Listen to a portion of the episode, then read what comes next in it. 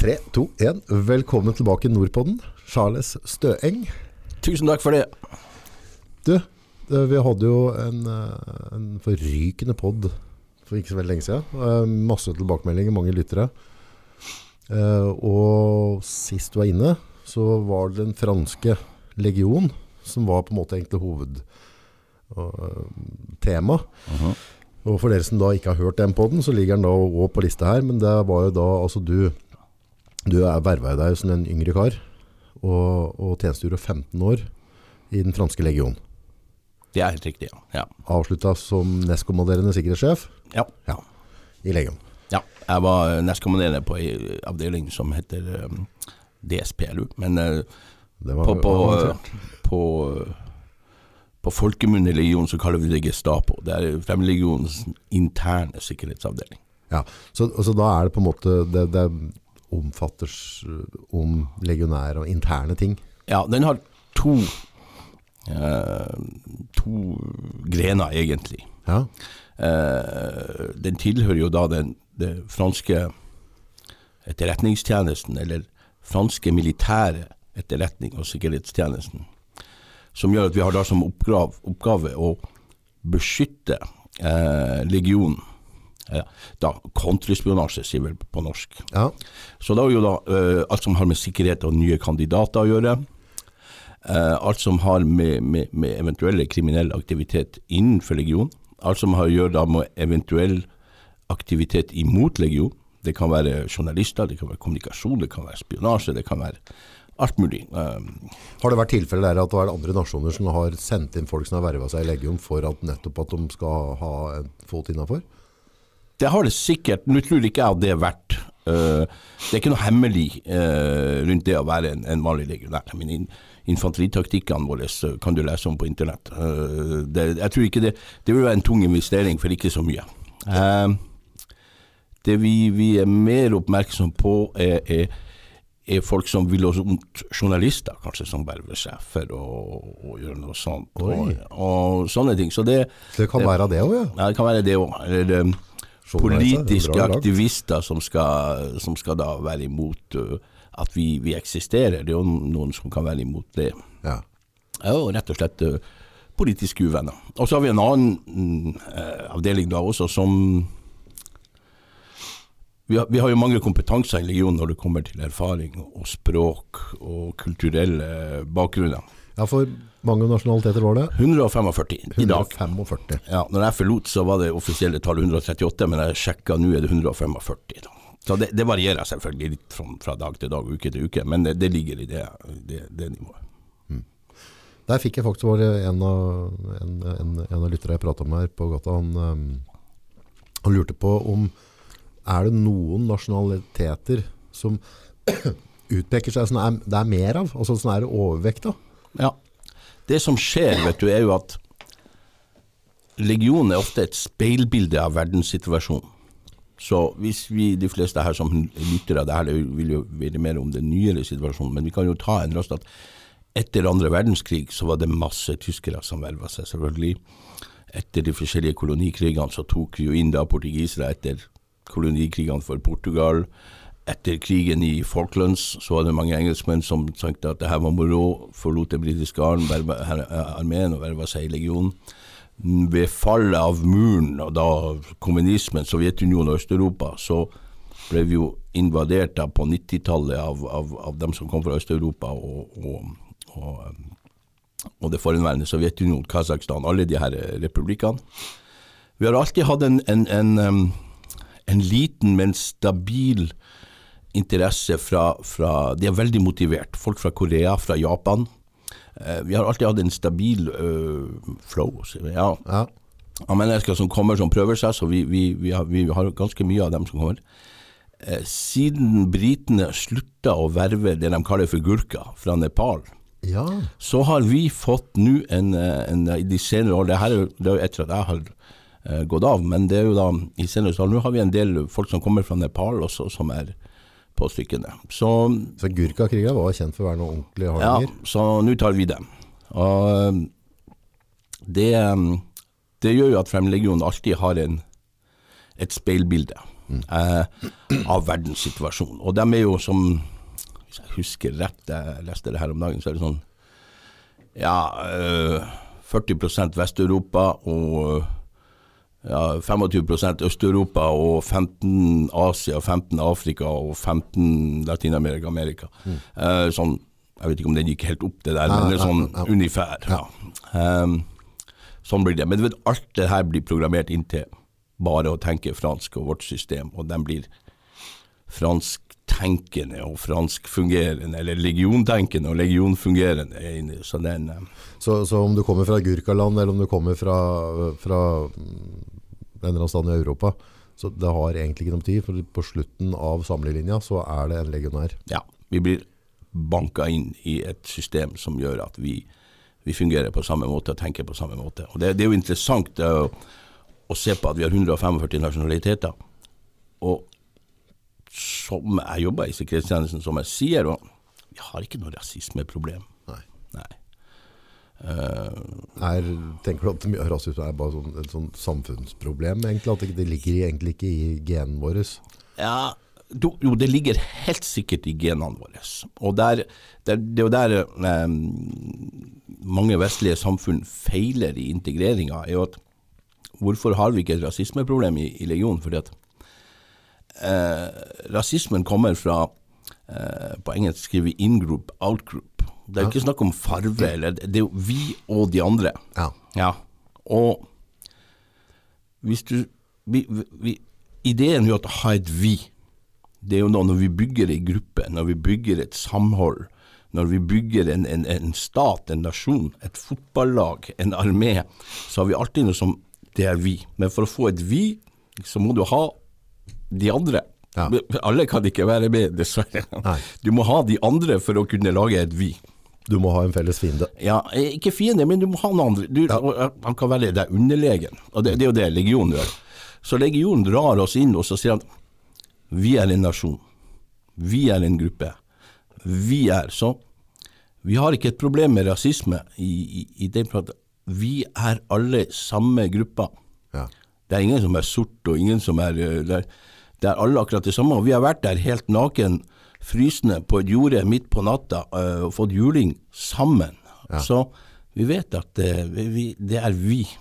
Eh, og det, det tror jeg er veldig viktig. Så når vi f.eks. i Norge tar inn folk og skal da integrere dem, men samtidig si at de kan holde på sin identitet som de hadde før, eh, det, det kan ikke fungere. Eh, for da har du dem og oss. Og dem kommer jo hit og føler seg av naturlige grunner tilsidesatt. Så klart. Og det vil jo forsterke deres vi Ja. imot oss. Ja. Og da har du konflikter. Så den eneste måten å klare det her på lang tid, det er det vi kaller assimilering. Okay. Og assimilering betyr at de som kommer til Norge, eh, da over tid eh, tilverve seg norsk kultur, Ja. norsk tankemåte, norsk funksjon. Og det akkurat det samme problemet. Vi må slutte, da, i min mening, å, å, å, å si at ja, disse folkene eh, står svakere, trenger hjelp. eh, Sånn. Det, det er forferdelig. Vi må slutte å blande på folk. Det, det, det må bli naturlig. Det må bli uinteressant hvilken hudfarge du har. Det må bli uinteressant hvor bestefaren din kommer fra. Det er norsk. Det er det. Og så lenge vi ikke klarer det, så kommer vi til å stå overfor problemer i Norge. Helt sikkert. Men um, det er vel kanskje et annet tema enn enn det vi skal Ja, men det er litt interessant, for måte, dere er jo på en måte en liten nasjon i dere sjøl. Og da, da dere jobber jo med dette daglig, hvordan skal jeg få dette til å fungere som en gruppe? Ja. Og så klarer dere med 145 nasjoner, Ja. uten at, eh, at, eh, at rasisme og, og, og mobbing er et problem på en måte. Overhodet ikke. Vi hadde, det er en veldig, veldig fin, eh, gammel eh, TV-intervju. I 1978 eh, så fløy eh, Fremmedlegionens fallskjermjegere ned til det som var da Zair. Og ble, Zaire. Zaire heter det på norsk. ja, Ja, heter Kongo i dag. Eh. Og de ble da, hele, hele, hele regimentet hoppa i fallskjerm over en, en by som heter Corvesi, som var en, en, en gruveby. Mest franskmenn og belgisere som var der, som drev gruver. Og den ble angrepet. Så da hoppa de der da for å frigjøre dem fra de her eh, angriperne. Og det gikk jo da veldig bra, som, som vanlig. Eh, um, Litt stolthet her. nei da. Og det her var jo fallskjermjegere, så det Ja, de teller egentlig ikke. Nei, nei, nei. nei, nei. Det, er, det er en annen idé. Men um, det som var veldig interessant, det, du, jeg vet ikke om vi kan finne den, ja, det er mulig at den, den ligger på et arkiv, men vi, vi, vi brukte den ofte i legionen. Og da, da, da, intervjuer fransk TV da en del legionærer på en flyplass når de kommer tilbake. Dette er 1978, så det er en stund siden. Ja. Og da kommer det to legionærer som da er afrikanere. afrikanere. Ja. Sorte. Ja. Senegal eller noe sånt. Fransktalende. Og, liksom. og da har du journalisten som da sier liksom ja de, hvordan gikk det her, og hva tenker du, og sånn. Og så, ja, og dem, og så svarte jo som de kunne, da, de gutta. Og så sier han til dem, ja, men åssen føltes det for dere som, som, da, som sorte mennesker å, å, å gjøre det her? Og da, og da må du se på filmen, for da ser de helt dumt på en journalisten begge og sier men vi er ikke sort, vi er legionærer. Og det var helt naturlig, rett fra hjertet. Ja. Så den, det er et typisk eksempel på hvordan vi unngår eh, sånne problemer. Ja. For, for, for på en måte din, um, din sosiale standing, din, uh, din karakter som menneske, avgjøres ut ifra hvilket utbytte eller hva du gir til Akkurat. fellesskapet. Ikke hvor du kommer fra, hvem best altså Det har ingenting med saken, men hva du har på asjetten og bringer til bordet, det er det som avgjør hvem du er i legion. Akkurat som vi snakka om siste gang. Mennesker, spesielt unge menn, har behov for tilhørighet og status. Yes. Når du leverer i legionen, når jeg sier leverer, men at du gjør jobben, du er opp til forventningene, så får du status. Med status får du tilhørighet. Og det bygger man på hele tida. Ja. Og da, eh, da kan du oppnå veldig mye. ja. Hm. par andre ting, eh, sånn litt sånne myter. Um, ene er jo, du nevnte innledningsvis her, altså annen verdenskrig. eh, som er kjent var en, var en, en, en stygg sak. Det kom veldig mye tyskere etterpå. På den tida var det sånn at, at uh, altså, hvis du var en god stridende, så gikk de ikke etter i sømma hva du drevet med eller ditt eller datt. Du ville være velkommen i, i legion. Ble det en frihavn for menn som ellers ikke ville hatt problemer med å tilpasse seg samfunnet etterpå? Da? Eller Ja. bli godkjent i sitt Nå skal jeg være forsiktig med å lage en dyp analyse av det tyske samfunnet etter krigen, Ja. men det sto nok ganske dårlig til med Tyskland. ja. Og vi hadde jo, De hadde jo sikkert tusenvis og hundre tusen, kanskje millioner av soldater som kom tilbake, som ikke hadde noe fremtid, som hadde kanskje mista hele familien ja. i bomberaid eller gud vet hva. Og det er klart, de allierte styrker i de dager drev jo og filtrerte, de lette etter krigsforbrytere og sånt. Um, men um, uh, hvis de ikke var spesielt ettersøkt da, med den, det rammeverket de hadde i de dager, så ville legionen ta dem. De, legionen startet jo, eller Frankrike startet jo øyeblikkelig en kolonikrig. Eh, Men var det sånn, altså sånn myta ville på en måte ha, ha til at legion, hvis du ga deg selv til legion, så, så blir du tilbudt nytt navn, Ja. pass, Ja. eh, og du får, starte, du får en, ny, en ny restart. Det er hele og, ideen. og, og vi bryr oss ikke om hva du har gjort før. Vi bryr oss om hva du gjør nå. ja, vi bryr oss ikke om hva du har gjort før, så lenge vi har akseptert det. Nei. Nei. For det er også noe som, som, som er viktig å ta med, er jo at det er ikke noe plass for gærninger. Fordi at gærninger, når jeg mener sånn derre øh, Du kjenner sikkert en del sånne mennesker som er sånn veldig våpengale, eller opptatt av, av våpen, av de minste detaljer om våpen, eller er sånn her, har sånne fiksasjoner på, på å være voldelig, f.eks., og sånne ting. De passer ikke inn i systemet vårt, så de blir luka ut ganske fort.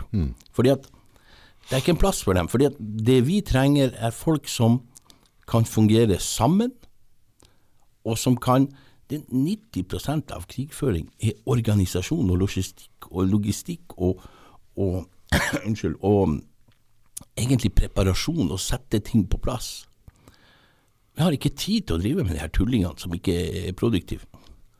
Så det, det er et automatisk filter som gjør det at de som kommer inn øh, er ofte ganske vanlige mennesker, som ser en mulighet til å ha en ny øh, fremtid, og, og, og, da jobbe seg gjennom, da opp gjennom det franske systemet og bli fransk statsborger eventuelt, og, og da få den sosiale statusen det gir dem i Frankrike. Mm.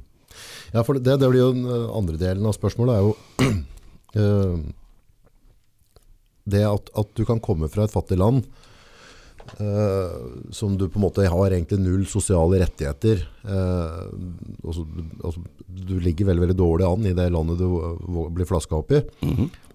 Verver deg inn i legion, du får deg en utdannelse, du får et fransk pass, du får et fransk statsborgerskap og et nytt navn. Mm. Så er jo dette på en måte the golden ticket for folk som kommer fra land som er i nød, eller altså Akkurat. Ja. Og, og det er jo en stor verdi eh, for mange. Ja, For da kan de ta en familie etterpå, de kan starte et nytt liv i Frankrike, de må ha pensjon. Selvfølgelig, og det, det er akkurat det som, det som, skjer. og Vi har jo utallige eksempler på det, hvor folk egentlig kommer fra ingenting. Eh, jeg kjenner jo en, en, en nordlending som, som, ikke hadde artium, og som ikke hadde noe fremtid i Norge, som kanskje ikke kunne så veldig mye og som i dag sitter 35 eh, år senere med enormt ansvar i store firmaer og har en helt annet liv. Mm. Og jeg vet ikke, det er jo så mange eksempler. Jeg hadde en, en, en, en indier som kom en dag eh, til oss, som kom fra en fattig familie i Bombay. Jeg aner ikke hvordan han klarte å komme seg helt til legionen, men han klarte jo det. Han var laderen min i yngre dager. og, og eh, han flaska over. Eh, intelligent kar og ble sånn um, førstehjelpsmann. Fra det gikk han på uh, sykepleierkurs, eller skole, for det må jo gå da, tre år på skole i Frankrike før du kan bli da sykepleier offisielt i, i Forsvaret. Så han gikk på det. Uh, Heiv seg på en um, administrasjonsutdanning når han gikk av med pensjon. Og uh, jeg snakka med han her like før jul. Han er han er direktør for et av de største sykehusene i Auckland i New Zealand. Tenk på det. Og han ja. kom fra ingenting. Ingenting. Så det det er selvfølgelig en, en sosial ascension på norsk, en stigning som, som, gjør at folk blir veldig motivert. Mm. Og de får jo en ekstremt god base i legionen. Av det som er arbeid, levere, struktur. Ja. Så det, det hjelper jo på veldig mye. Og, og, du har òg mulighet, hvis jeg har forstått det rett, at, at, dere har et pensjonsordning, altså typ, eller pensjonat eller pensjonshjem, som for oppvaska legionærer. altså Hvis du da endte opp og ikke har hatt noen familie, og sånne ting, så har du et, et sted å komme. Ja. Og der, Hvordan er det det funker? Ja, da, det, er, det, tilhører Fremmedlegionen. Ja. Så det er, det er, ikke statlig. Det er en, en assosiasjon, eller en, en forening, mm.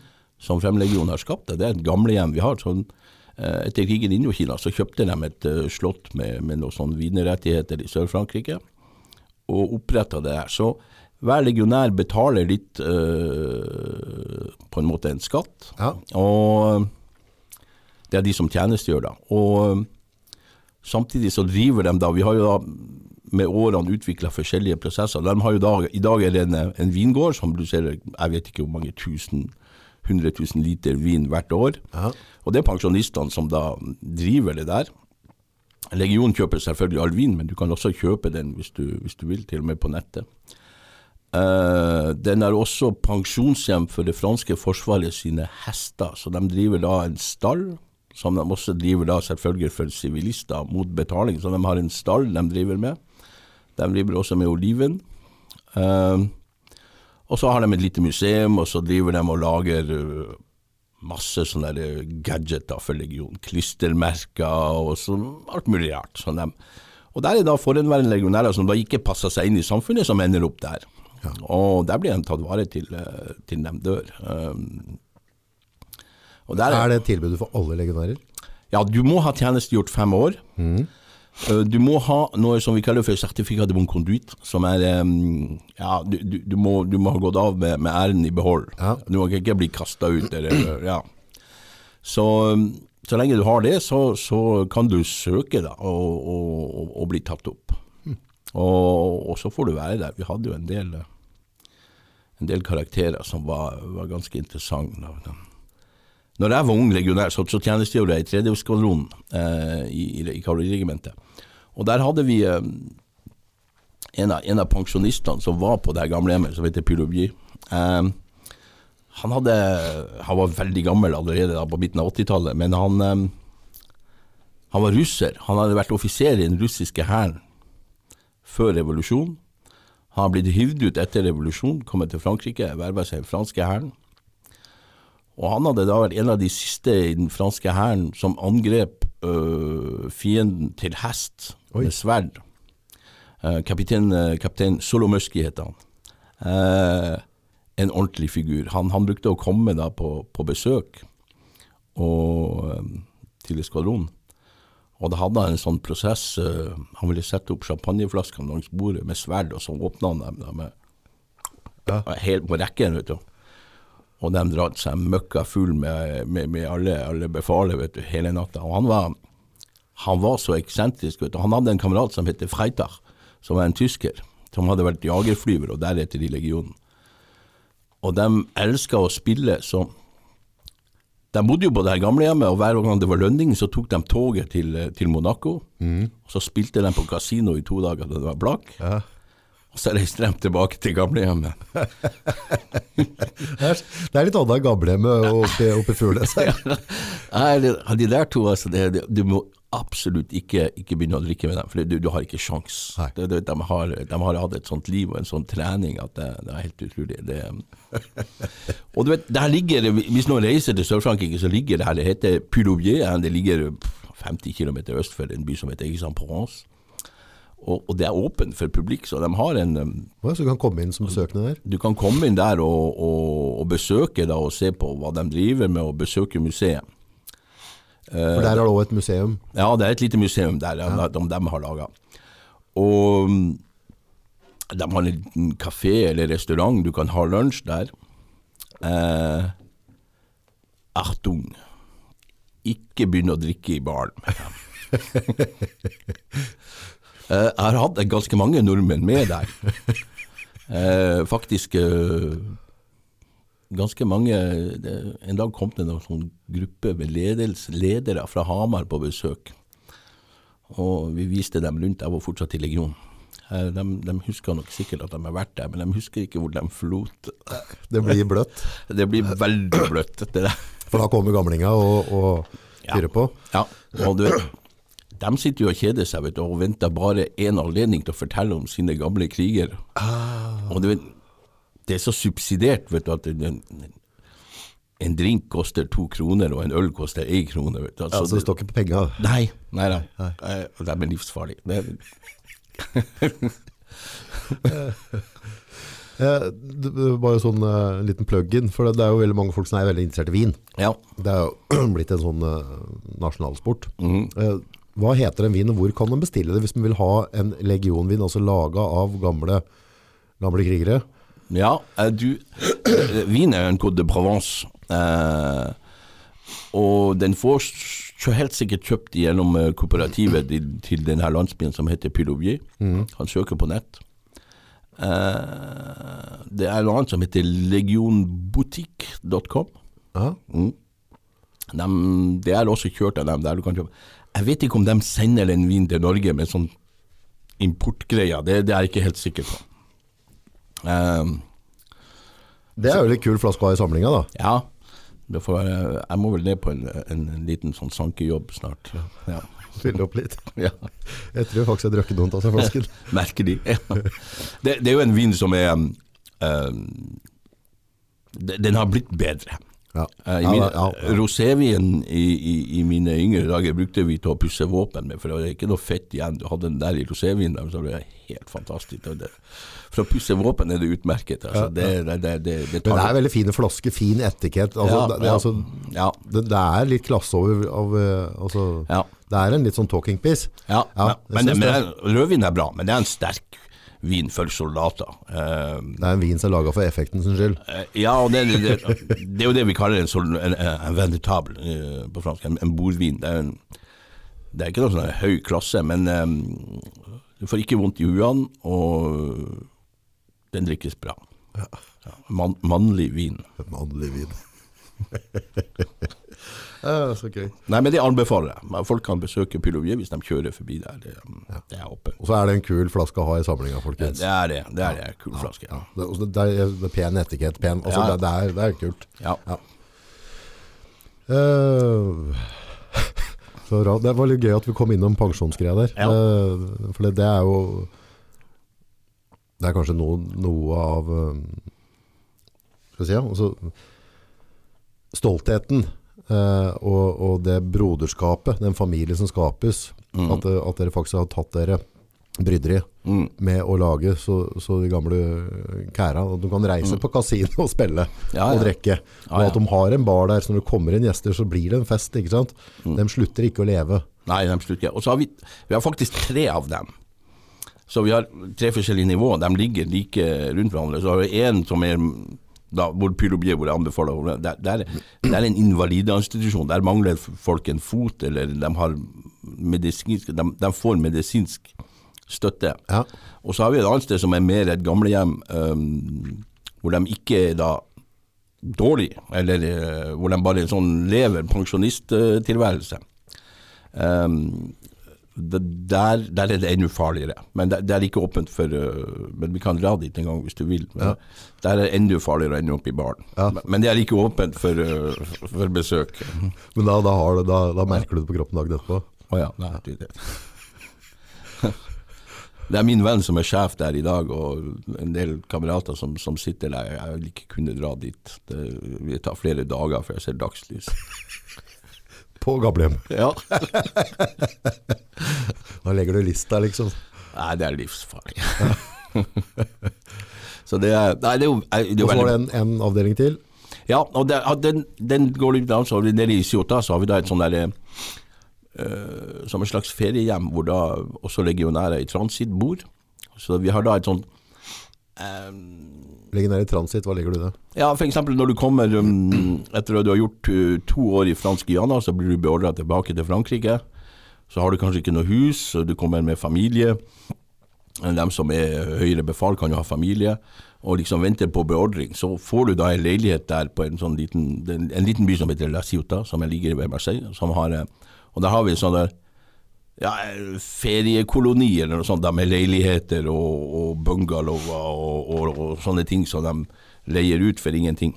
Og alt det nok en gang er styrt av, av disse forhenværende legionærene som er pensjonister. Og de driver barn og kjøkken og vasker og klipper plen og, og, og har orden på det der. Ja. det er ikke noe knussel der, altså. Det er, det. er i orden. Å ja. Det, er- ja, ja. Men, eh, men du, du nevner på mm, Hvis det er offiserer da, og, og kan ha familie, eh, som, som menigmann, Mm. som fotsoldat, uh, er det akseptabelt å ha familie? Nei. Nei. det går ikke an. Nei, det går ikke an. Eh, jo, det, du kan jo gjøre det, eh, men det er jo et liv som er umulig. Du, du jobber jo en 15 timers dag, vet du. Ja. det, så det er bare tull. Vi har jo enkelte som da prøver liksom å si ja, fått venninne, og liksom, men der, der, der neste stopp før du kroken på døra. Du har et liv som er Jeg snakker nå i, da, i, i disse i operasjonelle skvadronene. Ja, sånn ja, da, ja, ja. ja. Vi har ikke tid, vi har ikke tid å være å være Hva det kaller det for noe? Å være, ha noe familieliv. Nei. Vi kaller den for social case. Er sosial? Ja. Så det, nei, nei, nei. Men du er, du er ute i seks måneder, så er du tilbake, så går du på kurs. Uh, så har du masse øvelser, så har du masse drill, og så har du tjeneste, og så, så, så er du ute igjen. Så det, jeg, jeg så ikke de årene gå forbi. Det, det er jo helt umulig. Ja. Og, og du kan jo ikke gifte deg før du blir underoffiser, da. Uansett. Uansett. Uansett. Det er en Ja, regel. ja. Og uansett som underoffiser, da, som sersjant, stabssersjant eller, eller adjudant, som jeg, eh, hvis du er i stridende avdeling, så har du ikke noe har du ikke noe tid til å, til å, til å ta deg av det. Det kan jo være en og annen franskmann som, som prøver seg på å være familiefar, men det holder ikke. Nei.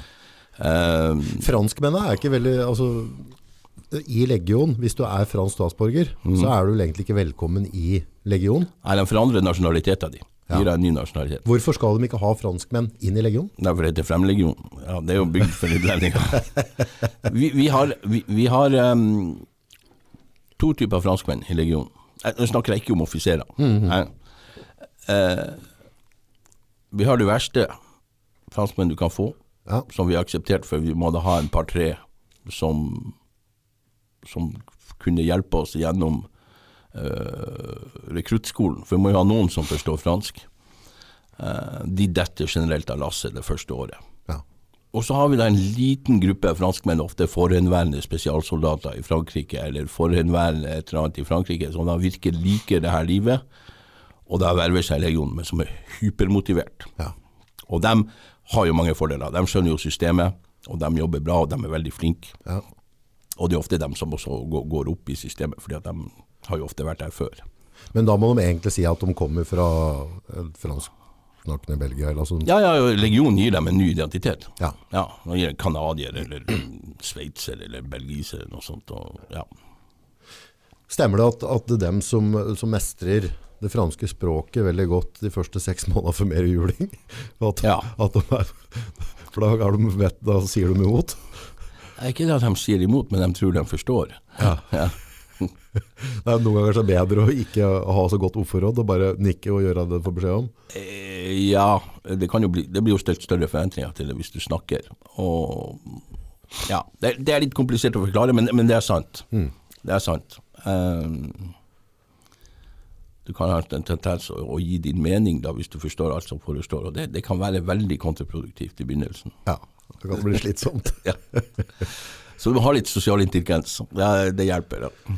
Det jo en ting vi, som vi ikke pratet på, på, på sist, som, som var veldig sånn fundamentalt da. Mm. Det med, med å, å benytte seg av det franske språket.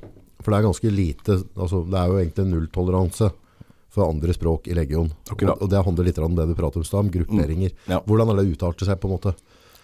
Ja, du, du vet, det som skjer at det, Og det er jo det som gjør at vi lærer fransk, at det- noe annet språk kan ikke brukes. Så hvis du og jeg møtes, så har ikke vi mulighet til å stå og tjatre på norsk bak kaserna.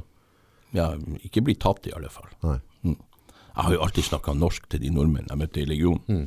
Selvfølgelig. Men offisielt sett så, så kan jeg ikke jobbe på, på et annet språk. Altså. Nei. Og får en ser et befal at du snakker et annet språk, så, så blir det da ly, lys og flamme og, og varmere omgivelser. Ja. Ja, nei, så det, det, det går ikke. Og det er vi nødt til det. Det er, det er jo akkurat som nok en gang 145 nasjonaliteter kjørt i sammen. Det er ikke plass for diskusjon, og det er ikke plass for, eh, for liksom Jeg føler ditt og føler Nei, nei, nei. nei. Du må inn i den. Og det, er først senere, når du er kommet inn i systemet, at du har ansvar, og at du, du kan språket, at du, at du kommer opp på et nivå. Da kan du begynne å liksom ha dine egne perspektiver. Ja. Og det er jo fremheva at du skal ha, men, men det, det er jo noe annet. Så fransk, det er fundamentalt. That's it. Det er ikke noe Det, det er ikke Noe annet kunne ikke fungere. Når du prater med det, at, at det blir varmere rundt øret, holdt jeg på å si. Altså, på hvilken måte er det dere avstraffer i legion? Altså, hva, hva er legionen sitt svar på kakebua? Ja, vi har kakebu Ja. det har vi. Hvordan funker den i forhold til her hjemme, holdt jeg på å si? Du våkner klokka fem om morgenen, du spiser frokost stående, Uh, og så må du ut og gjøre to-tre timer med sport, og så eh, rydder du søppel og vasker og, og maler og sliter deg gjennom, bygger murer og, og fikser alt til sent på kveld. Og så sover du et par timer i en binge, og så er du opp igjen. Ja. Det er ikke noe særlig. Uh, Merker det. ja, det- nok en gang, i et sånt system med sånne folk som må Den, den kakebanen må være litt uh, avstraffende. vet du. Ja. Men nå det jo ikke det hver dag. Um, Havner du fort i kakebua? nei. Nei. Du må, du må gjøre en feil som er bevisst. Mm. Avstraffelsene er fortsatt raskt uh, armhevninger og, og tur og, og, og kjøre opp temperaturen. Som jeg sier ofte, at det er sjelden at vi bruker fysisk vold. Det, det, det er ikke en ledelsesmetode. Eh, så det kan ofte bli at vi, vi, forlenger dagen. Eh, også viktig med det her gruppesamholdet at eh, du kan ikke la folk begynne å gå feil og overse det. Så du må ta det med en gang. Du må gjerne la alle andre Det er jo ikke så veldig moderne management, da, men det er de to som snakker eh, polsk nede i garasjen når jeg kommer ned, så, alle som er i garasjen, kommer til å gjøre 200 Ja. armhevninger. Ja. Bare for å være sikker på at de forstår at uh, Kollektiv avstraffelse. Ja, ja. Og det, det, du Det er- må ha det. Det er ja. samme som skjer i norske forsvaret òg, for så vidt. Det vet jeg ikke noe om, ja. ja. Så det, det, det er normalt. Og, uh, men det er viktig også du, du, uh, jeg, kunne jo, jeg vil jo aldri gi dem 200 armhevinger uten å gjøre dem sjøl. Nei. Så, øh, For da, da nok en gang kredibilitet. Ja. Så kommer den unge sersjanten ned og liksom sier ja, ja, har vi det eksempel, og snakker de polsk seg imellom. Så bare drar jeg hele gjengen, alle 15 som var der ute, og så tar vi 200. Og jeg står framfor dem og tar 200 fortere. Ja. Så sier jeg skal vi ta 200 til? Nei, ok. Ja. Da har vi etablert uh, hvordan, det, hvordan ting fungerer.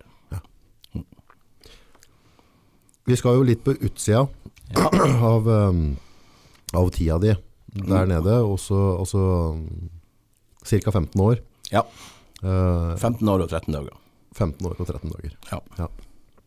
Så, så, så rusla du videre i livet ditt. Jeg gjorde det. Det var jo det, det, det var jo Alt er jo bygd på tilfeldigheter, vet du. Og det er ofte hvis du planlegger noe stort, så er det vanskelig å gjøre, eller at det, når det skjer. Så øhm, Vi er jo ca. i år 2000, da, så så øhm, bestemte jeg meg da å gå over av med pensjon. Jeg hadde gode pensjonsløsninger, så det var fordelaktig for meg, en alder av 34 år, å, gå av med pensjon.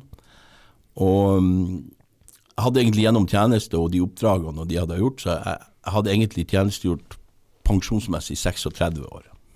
Ja, For det er ganske gunstig uh, Ja. i, i, i Ja, så du får ekstra poeng som gjør at du får ekstra år. Ja. Ja, Ja. Pensjonsår, for å si det enkelt. Så på 15 år gjorde jeg 36 år. Det var som om jeg hadde sittet 36 år i et kontor. Ja. Ja, Sånn pensjonsmessig. Ja. Eh, og um, med det kontaktnettverket jeg hadde, da, så ble jeg jo da um, Headhunta er vel et stort ord, men jeg ble iallfall uh, ansatt av en, en fransk bilfabrikant for å, for å være sikkerhetssjef da, for deres operasjoner i det sørlige Afrika, altså Afrika sør for Sahara. Ja. Eh, eh, tilfeldigheter, som alltid. Uh, denne bilfabrikanten skulle tilbake til Sør-Afrika etter at apartheid var over, og eh, skulle da sette opp et par bilfabrikker, hadde allerede kjøpt og det var et stort prosjekt. og I denne ansettelsesprosessen så viser det at han der sjefsingeniør, han var svensk. Uh, så han ansatte jo meg med en gang.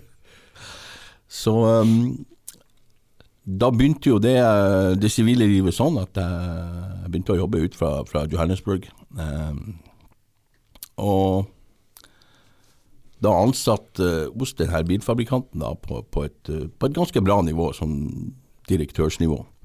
Og da, da skjer det en tilfeldighet som, som, eh, som er interessant med, med tilbaketikt, hva de sier på norsk? ja. Uh, denne bilfabrikanten drev og stengte uh, fabrikker andre steder i Europa, som globalisasjon og alt det der. Og, og da sa fagforeningene da gikk da uh, lagde sak på min ansettelse, fordi at jeg, jeg ble ansatt direkte utenfra, og de mente at uh, denne fabrikanten skulle ansette folk som kom fra de fabrikkene. Skjønner. Ja. Så det ble problematisk. Og da, eh, som en løsning, fant de ut at de, de hadde en konsulent, som er da blitt min beste venn, en franskmann, som, som drev med noen sånn sikkerhetskonsulentjobber for dem. Så sier de til ham ja, kan ikke du ansette han her eh, Støeng, eh, så unngår vi det her eh, setup. Ja, Greit nok for meg. Så det ble gjort. og vi tenkte jo ikke så mye på det. Det var jo mer en, en operasjon som var gjort for å, for å unngå et system. Ja. Og så skjer 9-11. Ja. Og det her tomanns-, tremannsfirmaet vi da var ansatt i, plutselig var det behov for sikkerhetsfolk over hele verden. Ja.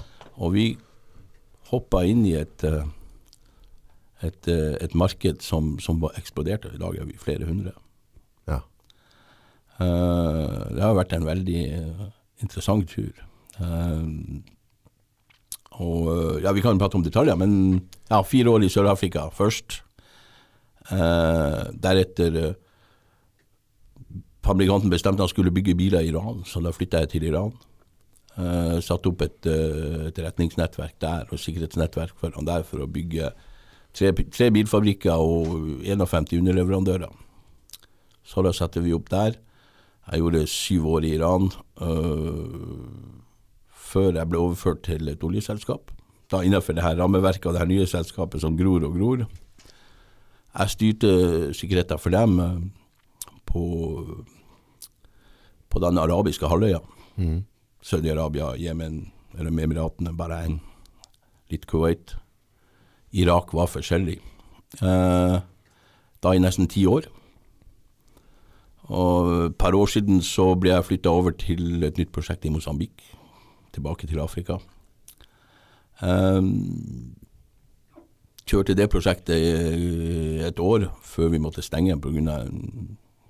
islamsk opprør. Noe som jeg dessverre hadde forutsagt, men de ville ikke høre på meg. Men sånn ble det. uh, og nå er jeg tilbake i Midtøsten, da, på en eller annen samme, samme opplegget hvor jeg driver og, og koordinerer da, operasjoner. Um, hva kan jeg fortelle deg som er interessant om det? Men Hvis vi går helt tilbake til Johannesburg, da. Ja. For dette, det er jo snakk om vel 20 år siden. Ja. Hvordan, altså, apart, altså det, det, har, det, er jo et land der det har skjedd fryktelig, fryktelig mye. Mm -hmm. uh, som vi egentlig har hatt litt sånn begrensa innsyn i gjennom norske medier. Mm -hmm. Vi har liksom sett bruddstykker og sånne ting, mm -hmm. men mhm. jeg tror ikke på en måte jeg på berget har egentlig forstått alvorlig. Det blir nesten sånn derre med, med IRA-krigen, liksom vi har hørt om IRA. Mm, altså, men altså, hvis du går inn i materien der, så, så var det jævlig drøyt, hele opplegget. Ja, men Johannesburg, fortell, hvordan, hvordan, opplevde du hvordan så det ut? Og gata, maten, altså, hvordan, hvordan var det å komme inn der? Ja, Det var, det var, jo, um, det var jo veldig interessant. Uh, det som skjer, vet du at uh, apartheid er ferdig for seks år siden jeg kommer dit. Og selvfølgelig viste det fortsatt tydelig i, i bybildet. Det som skjer, er, vet du, apartheid betyr jo hver for seg, egentlig. Det er jo det apartheid betyr. Ok, Så det er to grupperinger? Ja, ja, ja. De skulle splitte? Ja, de var splitta. De hvite levde for seg, og de sorte levde for seg. For å, veldig forenkla. Eh, men for å få arbeidskraft, så var jo de her to øh, folkegruppene nært på hverandre, men det var atskilt da med murer og, og gjerder og sånn. og sånn. Det var fysiske murer? Ja, og... ja, ja. Eh, så de hadde det de kaller for townships. Du har I nordlige, nordlige Johannesburg har du et svært township som heter Alexandria. Og mm, Soveto heter jo Soveto, det blir jo Southwest Township. Township, township det betyr bydel. Bydel, ok, ja. ja. Og der var en sånn Så du får nesten en, en sort slum midt i de fine, hvite eh, byområdene. Eller, da. Når du tar det murene så opplever du at du har en kar som er nesten milliardær, som bor like ved en kar som ikke vet om han skal spise i kveld. Ja. Så det blir problemer. Ja. Ja. Så de hadde jo et enormt problem med kriminalitet. Um, Hvor grov var kriminalitet? Altså var det sånn at folk ble drept for en lav ja, drepte hver dag. Um, Sør-Afrika for 20 år siden var 44 millioner mennesker. De hadde 7 28 000 drap per år. Ja. Det er enormt. Det er enormt. Og Frankrike, dette Frankrike, sto du midt oppi? Ja, ja. Frankrike på samme tid var 60 millioner, vi hadde 900 drap. Ja. Så det gir deg litt statistikken.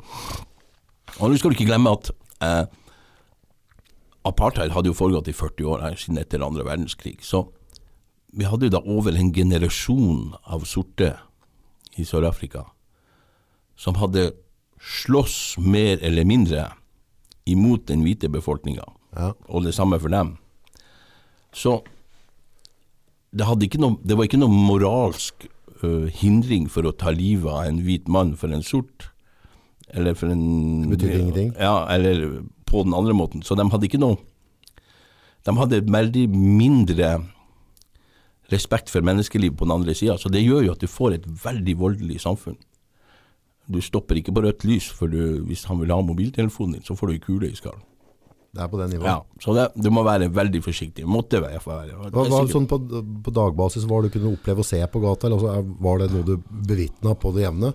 Ja, hele tida. Vi driver jo med forebyggende som sikkerhet, så vi, vi satte jo opp veier som var litt tryggere, hvor folk kunne kjøre, hvor de unngår. Ja. Og, det, og det er jo hele problemet i, i Johannesburg, er at du kan kjøre fra det, alt foregår jo i, i, i sikre soner, men imellom så er det ikke sikkert. Så du, du kjører, du bor da i en sånn gated community, en sånn kondominium hvor det har vaktselskap som beskytter deg. Væpna vakter? Ja, ja, ja, ja, selvfølgelig.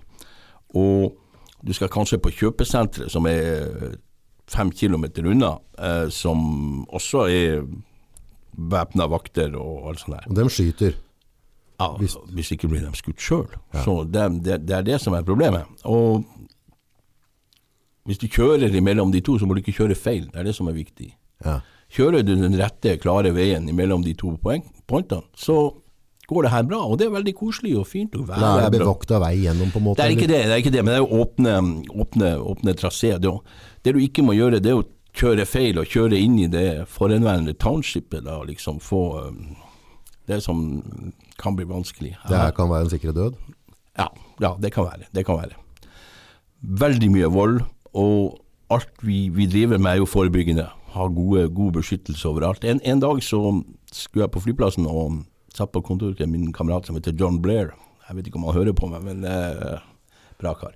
Han var en sånn der eh, business developer. Eller sånn, uansett, svær sørafrikaner. Sånn, sånn. vi skulle, han skulle kjøpe seg en flymaskin, og jeg skulle være med og liksom eh, være hans rådgiver. Jeg kjøpte et fly før han. Og liksom, Ja, for du flyr også, Ja, ja, ja. Så jeg skulle bare hjelpe han med det. Så sa han ja, vi skal, ta, vi skal fly til Peter Marinsburg. Så sa han ja, ja, men vi skal kjøre på flyplassen. Ja, ok. Og han hadde en sånn stor Mercedes 500, kjempefin bil. Ja. Og da hvis du var vel litt seint, og den korteste veien til flyplassen, hvis du ser fra Santon til Johannesburg International, så den korteste veien går gjennom en sånn township. Men jeg kjører jo aldri gjennom der. Så, så sa han nah, don't worry, han er sørafrikaner. Og vi kjørte der, ja. Og der kom vi et rødt lys, og det begynte å slakke ned. Og der tok vi fem skudd i bilen. De ville stoppe oss for å, å stjele bilen. Ja. Og han har jo ikke pansra, så vi fikk fem skudd i bilen, og jeg sa jo bare stå på. Vi kjørte rett frem. og ja. Så det er det du risikerer.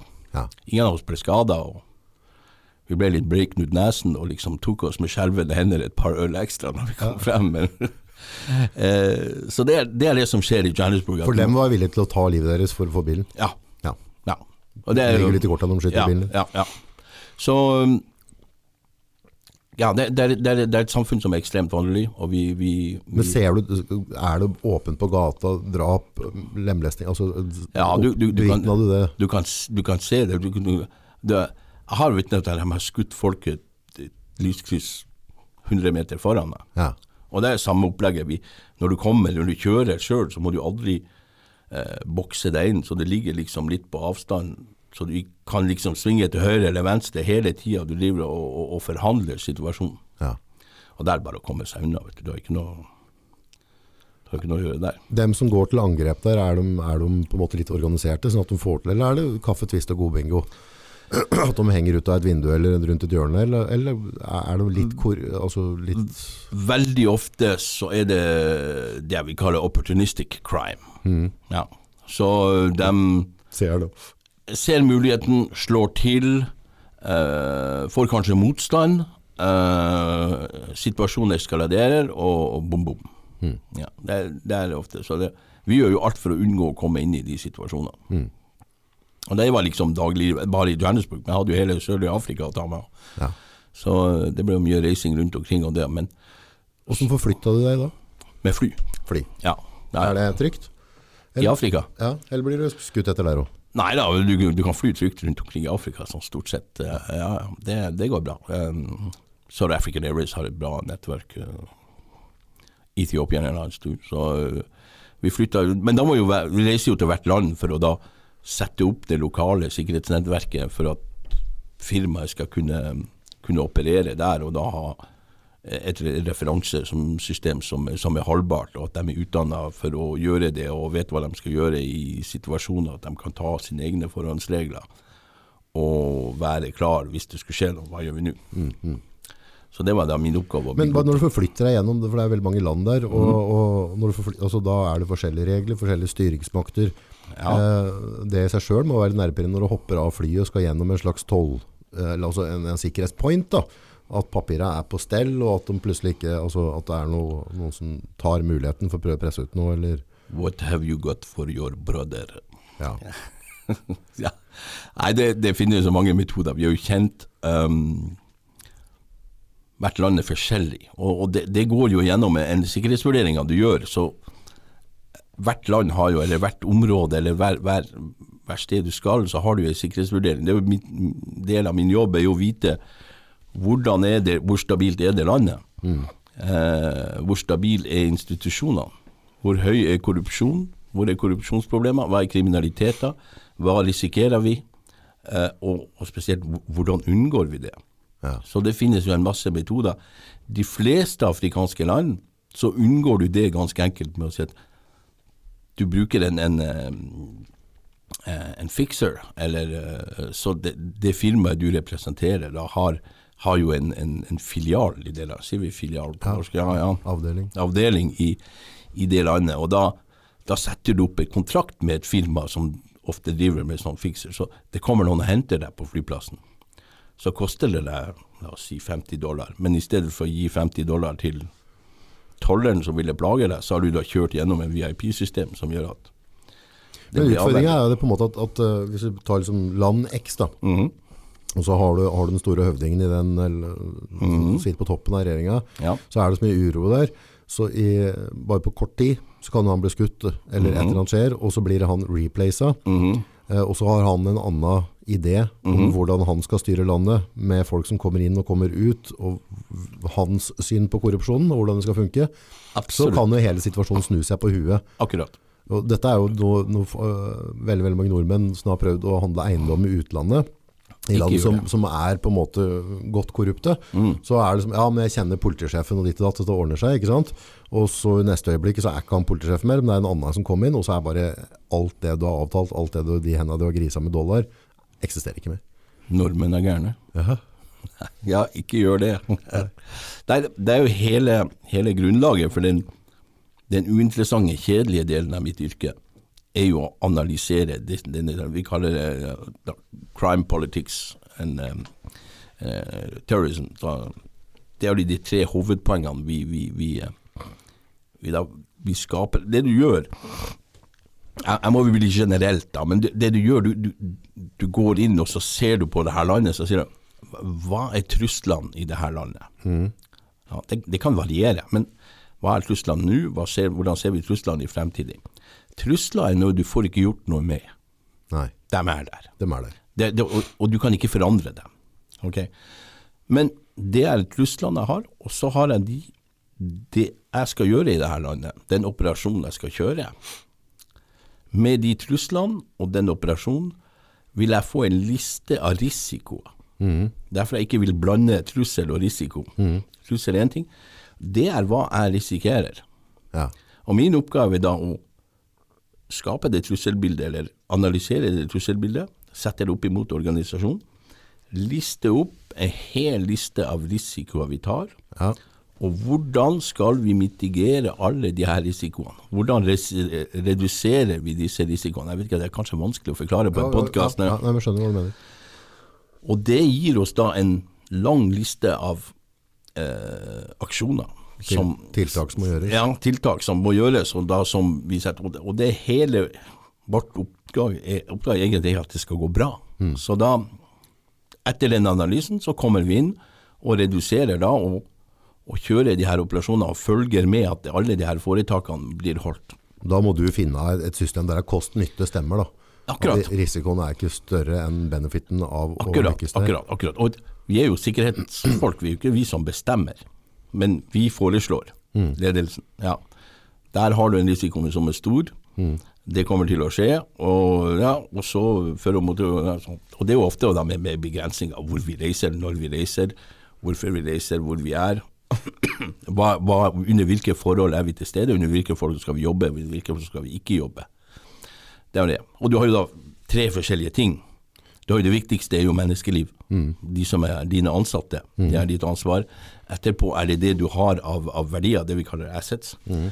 Og etterpå er det jo det du har av um, f.eks. industriell spionasje, da, produksjonsmetoder eller uh, strukturer som er, kan bli stjålet og kan bli borte. og det, det, er en annen ting som vi også må, må redusere risikoen for. Hvis en går inn i et av de landene, og det er, eh, du skal inn, og, og du vet det er sånn Ok, borderline er litt, litt i rødeste sona. Eh, har du på en måte en sånn extraction plan? Altså har du en plan på hvordan kommer vi ut? Hvordan, hvordan og, Ja. få- ah, Får du være bevæpna sjøl altså når du sitter i et sånt land? Nei, de fleste land kan jo ikke det. De fleste land, uh, og det er jo normalt, de fleste land er det statlige organismer som har monopol på vold. Det er sånn de fleste land fungerer.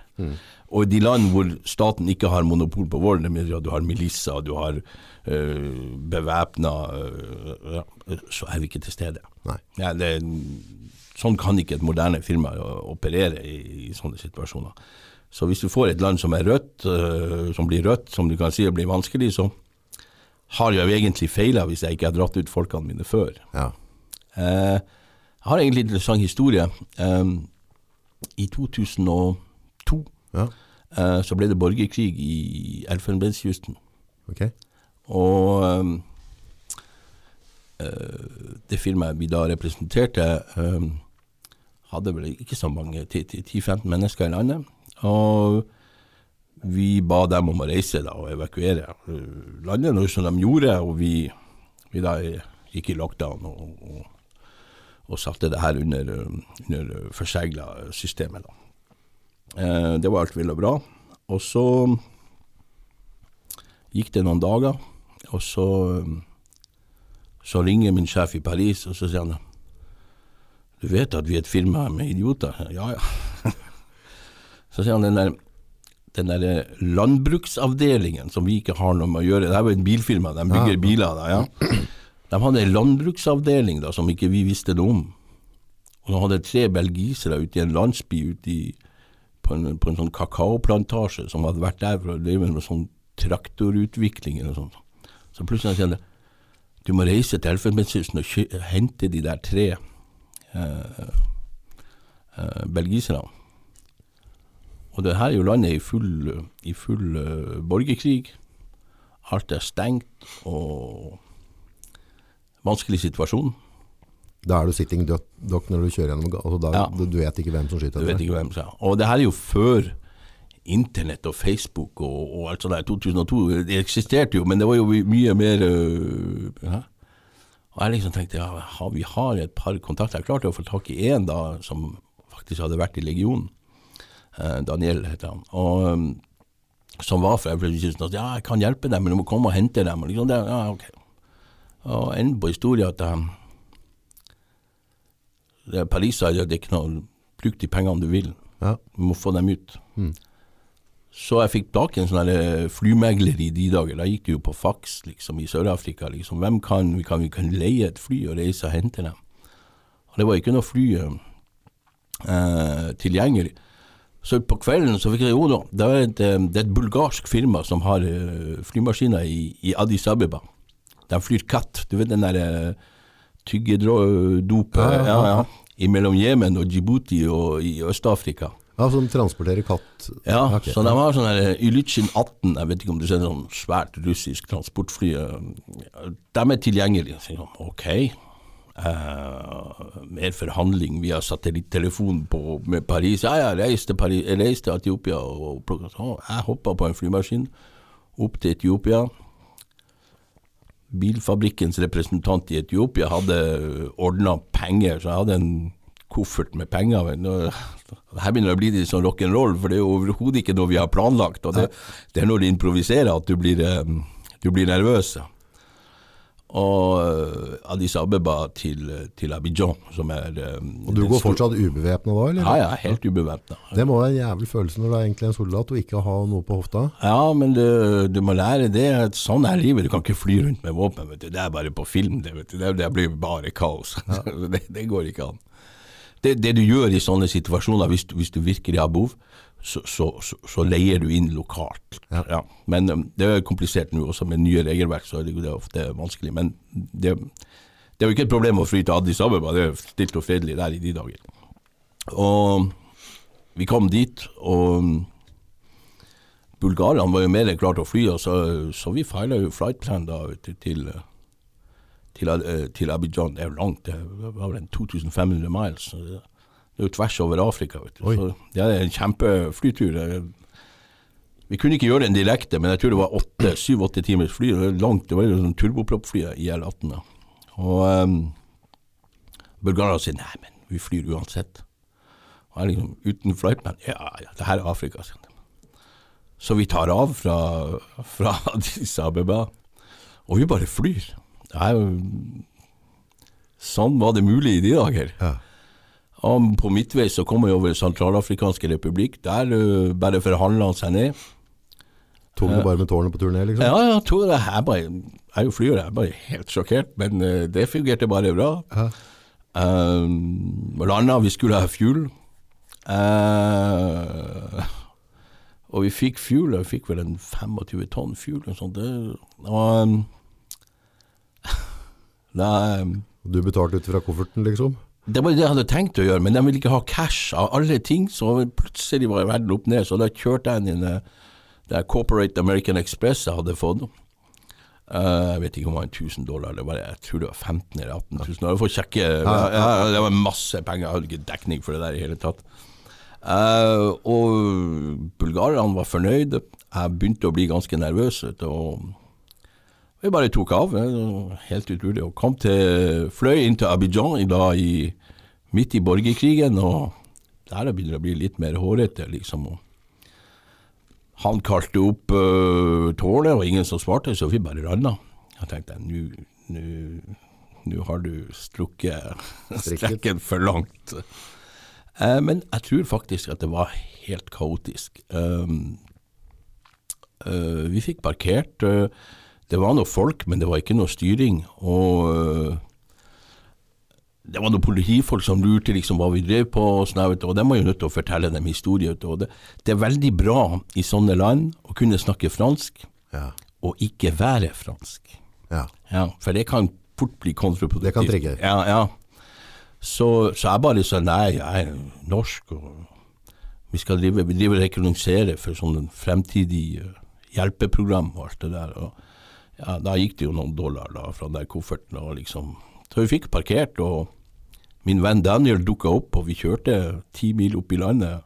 Henta belgiserne på ren frekkhet. Åssen var, var reisa oppover da med bil? Altså? ja, vi, vi ble ikke utsatt for noen kamphandlinger. Det gikk, det gikk veldig bra. Um, men som sagt, det, det var jo improvisasjon. Det dummeste jeg har gjort i hele mitt liv. Ja. men det gikk bra. Vi, vi kom eh, tilbake til flyplassen og Maskinen var fjula på klar og lasta av noen dollar der også, og så bare tok vi av og fløy til Kinshasa, hvor jeg klarte å få dem på vanlige flymaskiner hjem til Paris. Så det var um, litt av en jobb. jeg tror ikke det er mulig i dag, jeg vet ikke, men åssen det der gikk bra, det, Ja, for egentlig er jo, det er jo toll, og det er forskjellige land. Dette, så dette Ja. skal jo på en måte sende en flight, og skal klareres alt. Ja, ja, og her bare, bare fløy de, og så bare helt prata med tårnet på tur ned. Bare, Ja, når du tenker på det, så er det jo ikke noen radarer som fungerer da ofte. Det er jo sikkert mye bedre i dag. De har jo da gått opp en standard også i Afrika og fått mer kontroll på det der, og det har blitt datastyrt, vet du. I de dager, ja, du sendte en faks, så fikk du ikke noe svar, så fikk du ikke noe svar, og så kom du bare, og så, ja, dollar fungerte. Dollar fungerte. Eh, men jeg råder ingen til å gjøre noe. Det der, jeg, jeg har den historien, jeg tror det at eh, jeg tror jeg har brukt opp all flaksen jeg har hatt for, for resten av livet. Ja, Jeg gjør, jeg gjør ikke sånt i dag. Nei, nei. Så det, mm, det var Afrikatida. Uh, ja. Hvordan opplevde du Afrika? Liksom? også, hvilke minner er du sitter igjen med den første Afrikatida du hadde der, så, i, i privat regi? For du har jo kommet fra et, et, eh, en nasjon som står bak deg, et system, et broderskap, eh, noen som på en måte vil komme og hjelpe deg. Mm. Eh, men nå er det plutselig Du står bare i slippersa på bakken hvis ting går til dundas nå. Du har ikke det samme støtteapparatet rundt. da. Akkurat. ja, Men du, du tilhører jo et firma, og du opererer jo innenfor en struktur. Bortsett fra historien som jeg forteller nå, som jeg var litt hårreisende. Jeg vet ikke hvordan det gikk bra fortsatt. Eh, Men stort sett så har vi en struktur vi bruker, og, og så har vi jo legionnettverket uansett. Ja. Legionen er jo full av, eh, verden er jo full av forhenværende legionærer, så har vi alltid noen jeg kan ringe. Ja. Og, um, så det um, Du vet, Afrika er er veldig varierende og kan være eh, kan, Det kan være forvirrende, fordi at en utvikling har jo skjedd, og når du kommer på en, på en, flyplass i Afrika, eller du kommer på et hotell, eller du kommer på et ministerium i, i sånne land, så kan du lett bli forvirra, for vi kommer jo fra Europa. Mm. Uh, når du ser en politimann i en politibil, så tror du at du ser en politimann i en politibil. Mm. Men det er ikke en politimann i en politibil. Han er politimann, han har en politibil, men han har ingen av kompetansene du forbinder med en politimann. Nei, for ofte har de ikke utdannelse i det hele tatt. I det hele tatt, og de har helt andre ideer. Så da Du må ikke forvente det samme. En toller er ikke nødvendigvis en toller. En ministerium uh, for uh, olje og energi er egentlig en, en stammestyrt struktur som ikke har noe å gjøre med et europeisk ministerium. Så du, det er også en del av den, det, det, det, det, arbeidet vi gjør på forhånd. det er å, å avdekke hvordan fungerer det her i virkeligheten. Hvordan skal vi unngå å bli å lure oss sjøl fordi vi tror vi, vi, vi forhandler med, med, identifiserte strukturer. Du ser noe som hjernen din registrerer som noe du kjenner, ja. men det er noe helt annet. Ja. Kanskje ikke helt klar forklaring. Men, ja, men altså, Du ser en politibil og så har du lyst til å gå over til å få hjelp, og så får du kanskje det motsatte? Absolutt. Så alt det her må du Men da handler det med vanvittig erfaring for å ikke trigge situasjoner. da. Altså, for der kan du, trigge, altså, du kan gå inn og trigge en situasjon som blir farlig uten at du egentlig er klar over det. Hvis, ikke, altså, hvis du går blåøyd inn der, så tror du at du på en måte går inn og har riktig etikk, og du prater med rette folk, og så gjør du det egentlig mye verre for deg sjøl. Ja, det er hele mitt yrke. og da ha det preparert på forhånd for folk som kommer, at de ikke går inn i de fellene. Mm. For det er mange feller? Ja. Øh, har, du noe, noen ytre konsekvenser som du har på en måte bevitna der folk har gått i en sånn felle? og Det bare ja, det som skjer ofte, er at de blir robba. Ja. ja det, det, det, er jo det enkleste. Ja. Og det er jo langt bedre at de taper noen tusen dollar, enn at de, de mister livet. Ja. Så det er jo Men kan de bli henretta i gata, liksom? Jeg har aldri opplevd det. Nei. Nei. Nei. Uh, vi hadde en del lokalansatte i Sør-Afrika som ble skutt for mobiltelefon eller for sånne ting. Ble drept? Ja, ble drept. Men, vi hadde ikke, ikke Etter at jeg hadde flytta til Iran, da min kollega som overtok, han, de, de mista en, en, en, en ekspertfamilie, kone og to barn, som ble drept av, av noen som kom. Men som sagt, det var etter min tid. Ja. Um, men det er også hele grunnlaget til min, min jobb er også å forklare dem at uh, ha lite penger, det er jo helt enkle ting. Ha, lite, ha lite kontanter, og hvis det er noen som spør om det, bare gi dem. Det, det har ikke noe verdi. Uh, og da også vi strukturerer jo da en, en, en, en, som skal reise til land X. Det er vår oppgave å da sette det rammeverket rundt hans eh, tur dit. eh, skal være så trygg som mulig. Så han flyr på en flyselskap som vi har øh, godkjent. Han lander på det stedet vi har godkjent. Han blir tatt imot av den strukturen vi har godkjent, og han blir fulgt igjennom av den strukturen. Det er jo det som er hele målet med, med vårt opptak. Mm. Vårt Vårt eh, mål er jo at ting skal gå bra. Ja. ja. Så hvis jeg hadde vært flink, som jeg tror jeg har vært, så har jeg ikke hatt så mye problemer. Mm. Men, men, i de landene der, vi alle vet jo altså alt av folkemord, sult og, og, mm. og, og undergang som har vært, altså det, det, har vært et vanvittig belasta mm. eh, verdensområde, dette der. Uh, og du vil jo på en måte havne midt oppi det om du vil eller ikke i løpet av en uh, lang periode. Ja, klart det. Men som oftest, da, som den strukturen vi kjører, det er å unngå å gå ut på landsbygda. Vi har ikke noe der å gjøre. Unngå å inn i konfliktsonen. Mm. Har ikke noe der å gjøre. Nei. Så vårt oppdrag er jo nok en gang unngå alt det der. Ja. Sende han til hovedstaden, som generelt fungerer litt bedre. Sette opp et nettverk som gjør at han er beskytta. Mm. Um, men, men, men, hele Afrika lever jo i en helt annen verden enn vi gjør. Mm. Og, du kan ofte komme opp for store glasstårn og moderne byer, men det er bare et skalkeskjul under en helt annen struktur som, som, som styrer. Mm. Hvor, hvor, galskap tenker du at Afrika har vært og er? Altså, hvor Er det noen andre land eller områder i verden som har vært så hardt belasta som dem senere i tida? Ja, de, de, de, de, de, har jo, de kommer jo fra langt tilbake. Ja. Det, jeg vet ikke om ordet er primitivt men det var veldig forskjellig. Ja. Og den forandringa har skjedd veldig fort. Så kulturen, folkesinnet, eller folke... Ja, kulturen, har ofte ikke hatt tid til å, å omstille seg til det moderne samfunnet som har andre referanser. Og det gjør jo at ting da, Du har hele tida parallellsamfunn, hvor du har det moderne samfunnet som er satt opp som ser ut som våre samfunn. Og så har de sitt stamme, klan, sine kriminelle nettverk som da fungerer i parallell, Ja. som egentlig driver. Det er jo derfor nesten alle afrikanske land sliter. Vi har jo drevet med bistand i 60 år. Vi kommer ikke inn vei. Eh, Er det mye hat der? Nei, jeg tror ikke Ja, ja, hat. Det, det, mm, blir det konflikt, så finnes det plutselig ingen begrensninger lenger. Da kapper de huet av hverandre. Ja. For det, det, er andre, det er andre kulturelle begrensninger som går inn, og han som da plutselig i det stammenettverket Det er jo tilbake med samhold og alt det her. De andre har ingen verdi som mennesker. Nei. De kan drepe dem uten Det er derfor du ser de her forferdelige situasjonene hvor de tar livet av tusenvis og tusenvis og tusenvis av mennesker på noen få dager. For det.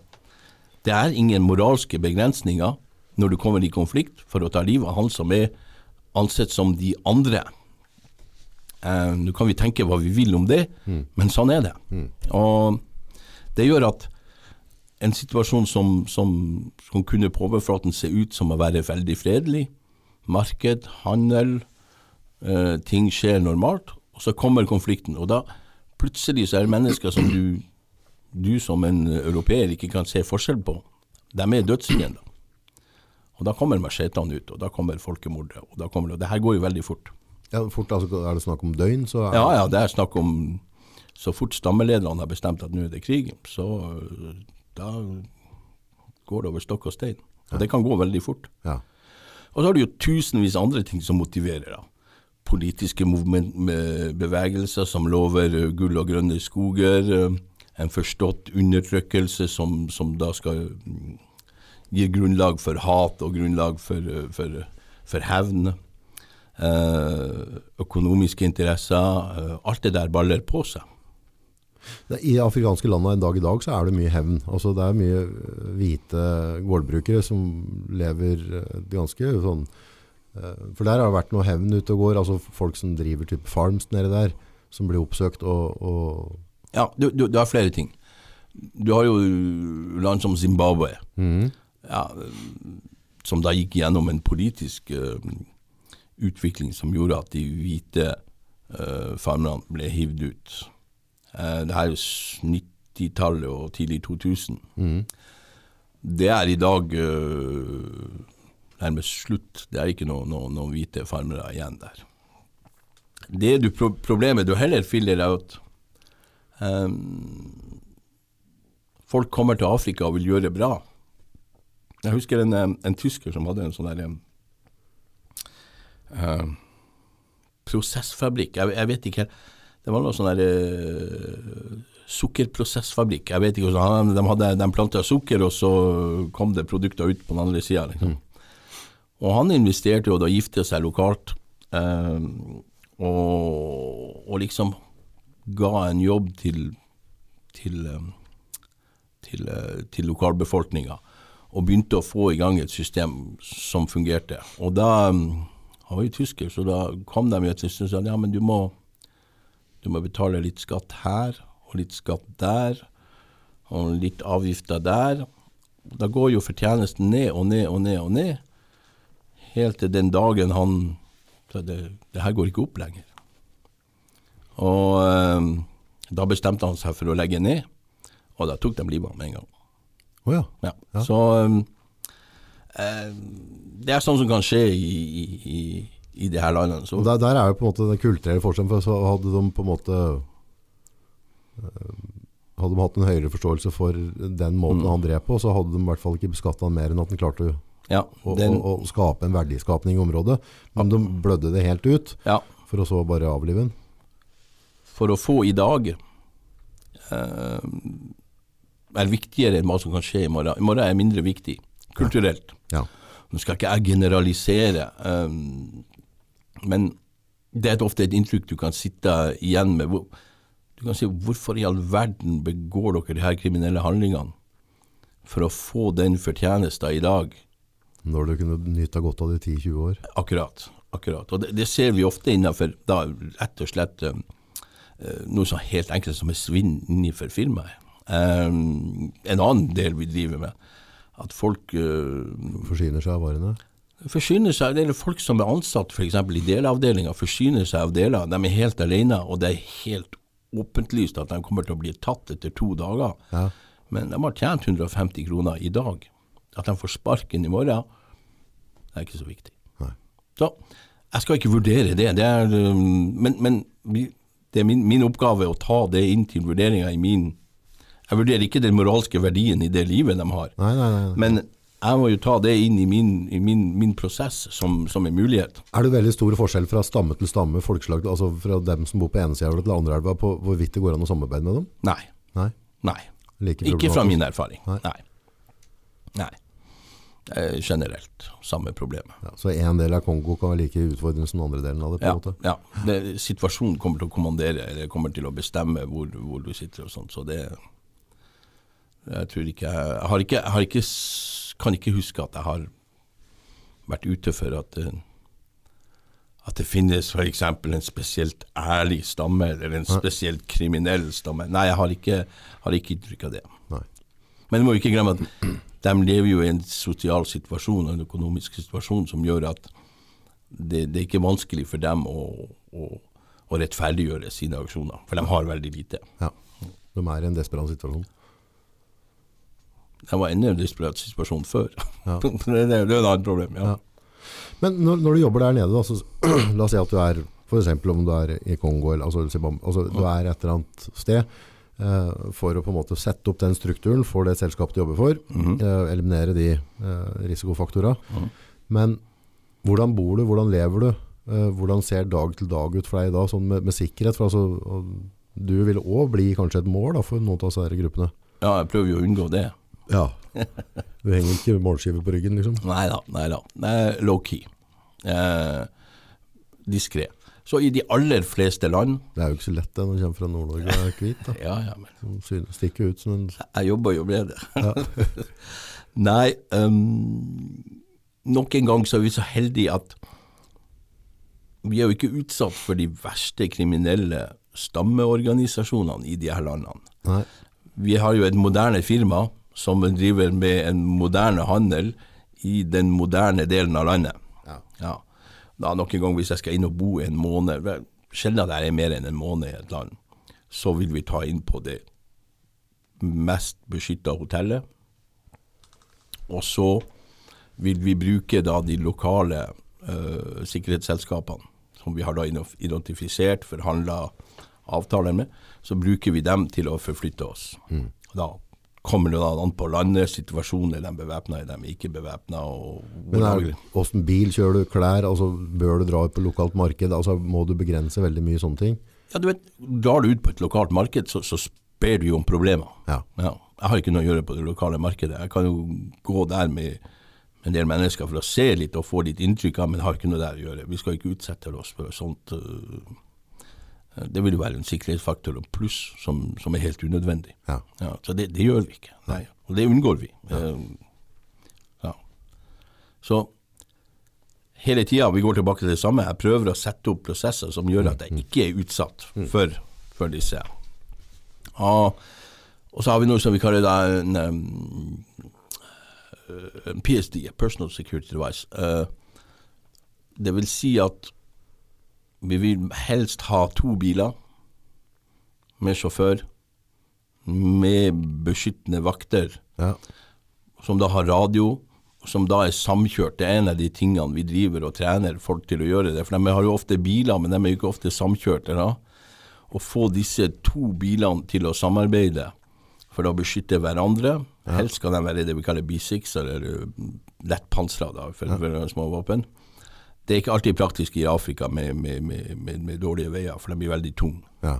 Men uansett, så det vi alltid prøver å gjøre, å, å ha de her samarbeidspartnerne som gjør at vi kan beskytte hverandre.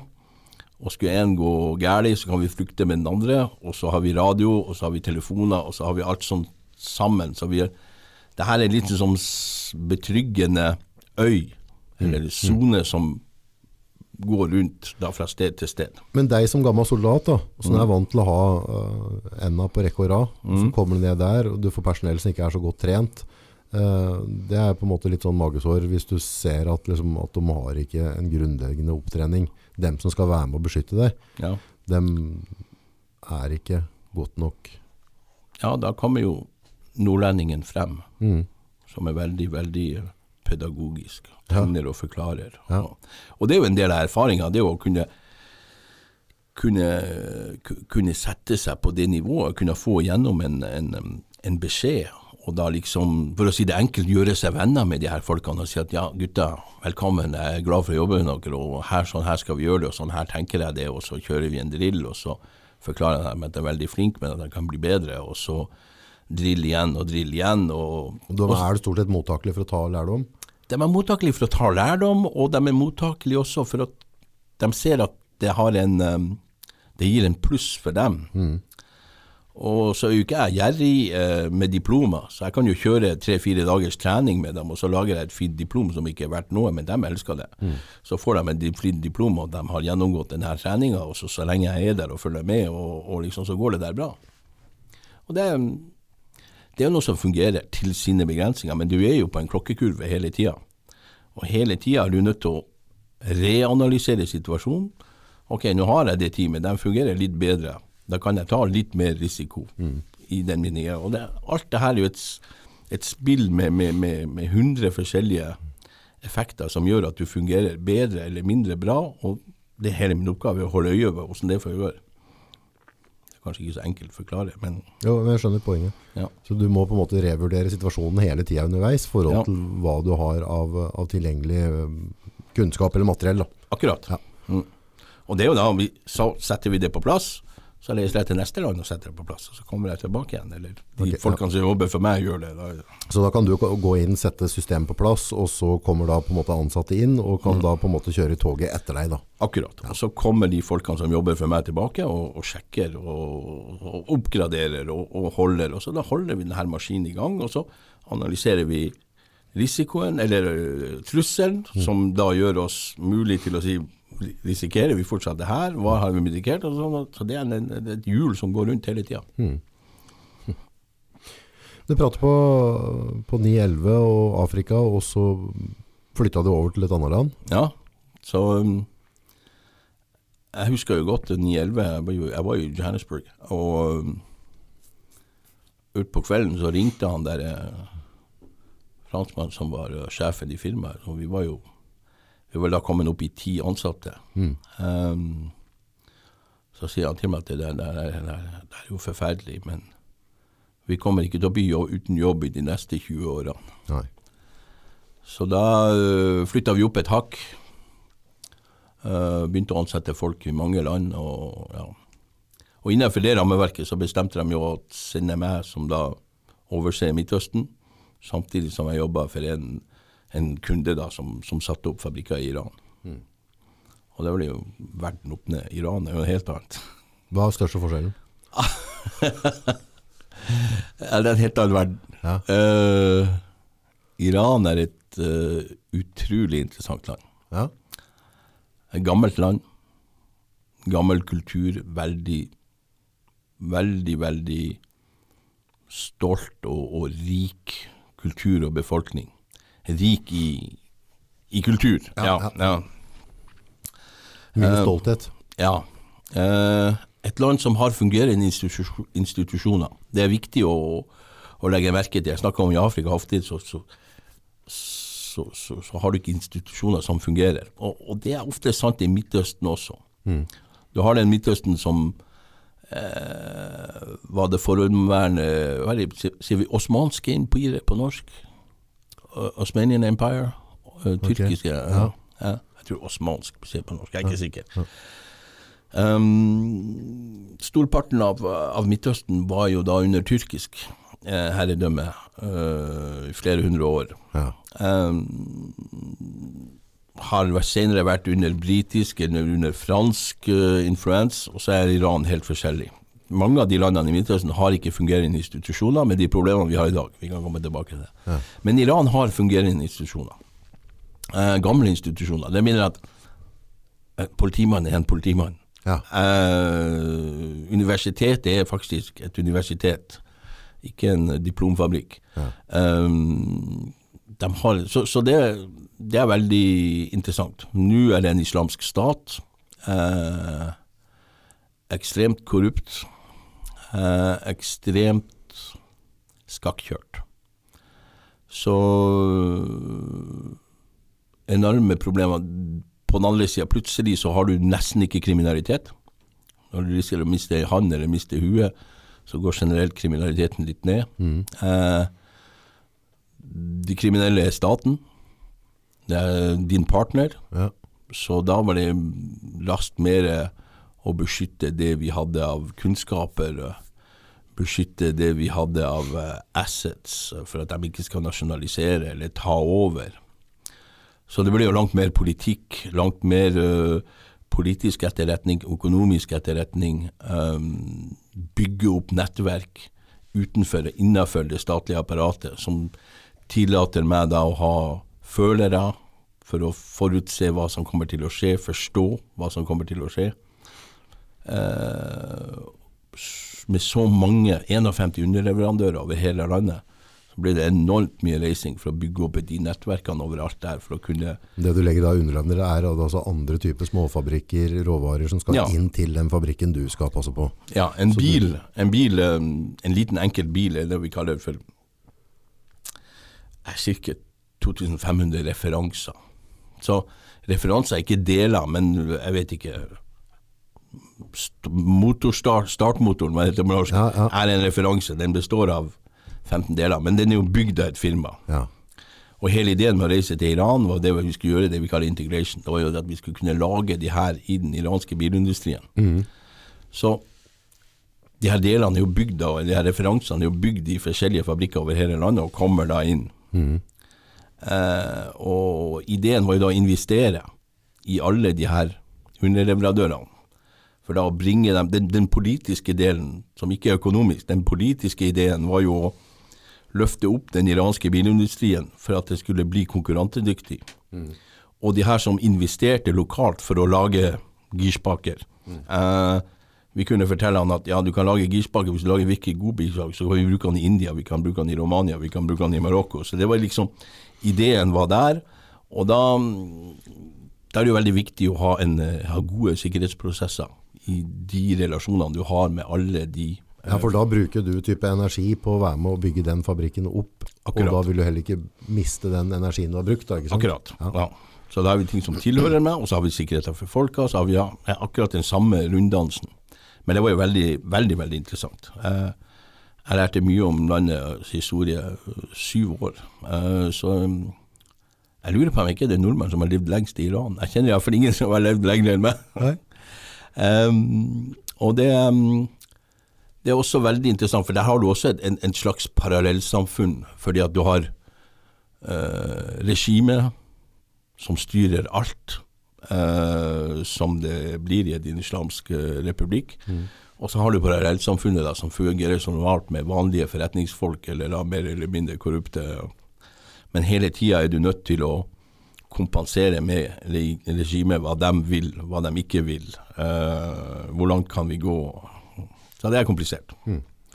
Og selvfølgelig ikke noe alkohol og hijab. Og Ja, du må gå med det? Nei, jeg går ikke med hijab. Med, alle ansatte må gå med hijab. Og det var Utallige ganger måtte jeg komme dem og kontrollere. Jeg måtte hente sekretærene mine på, på, på politistasjonen, for de hadde vært usømmelig kledd. Ja. Og da uh, torde de ikke å ringe til foreldrene eller familien, så de ringte til meg, så jeg komme og hente dem. Og da, det gikk bra, da, for jeg var jo utlending. Ja. Iranere elsker utlendinger. Oh, ja, Um, så du er ikke for hot der?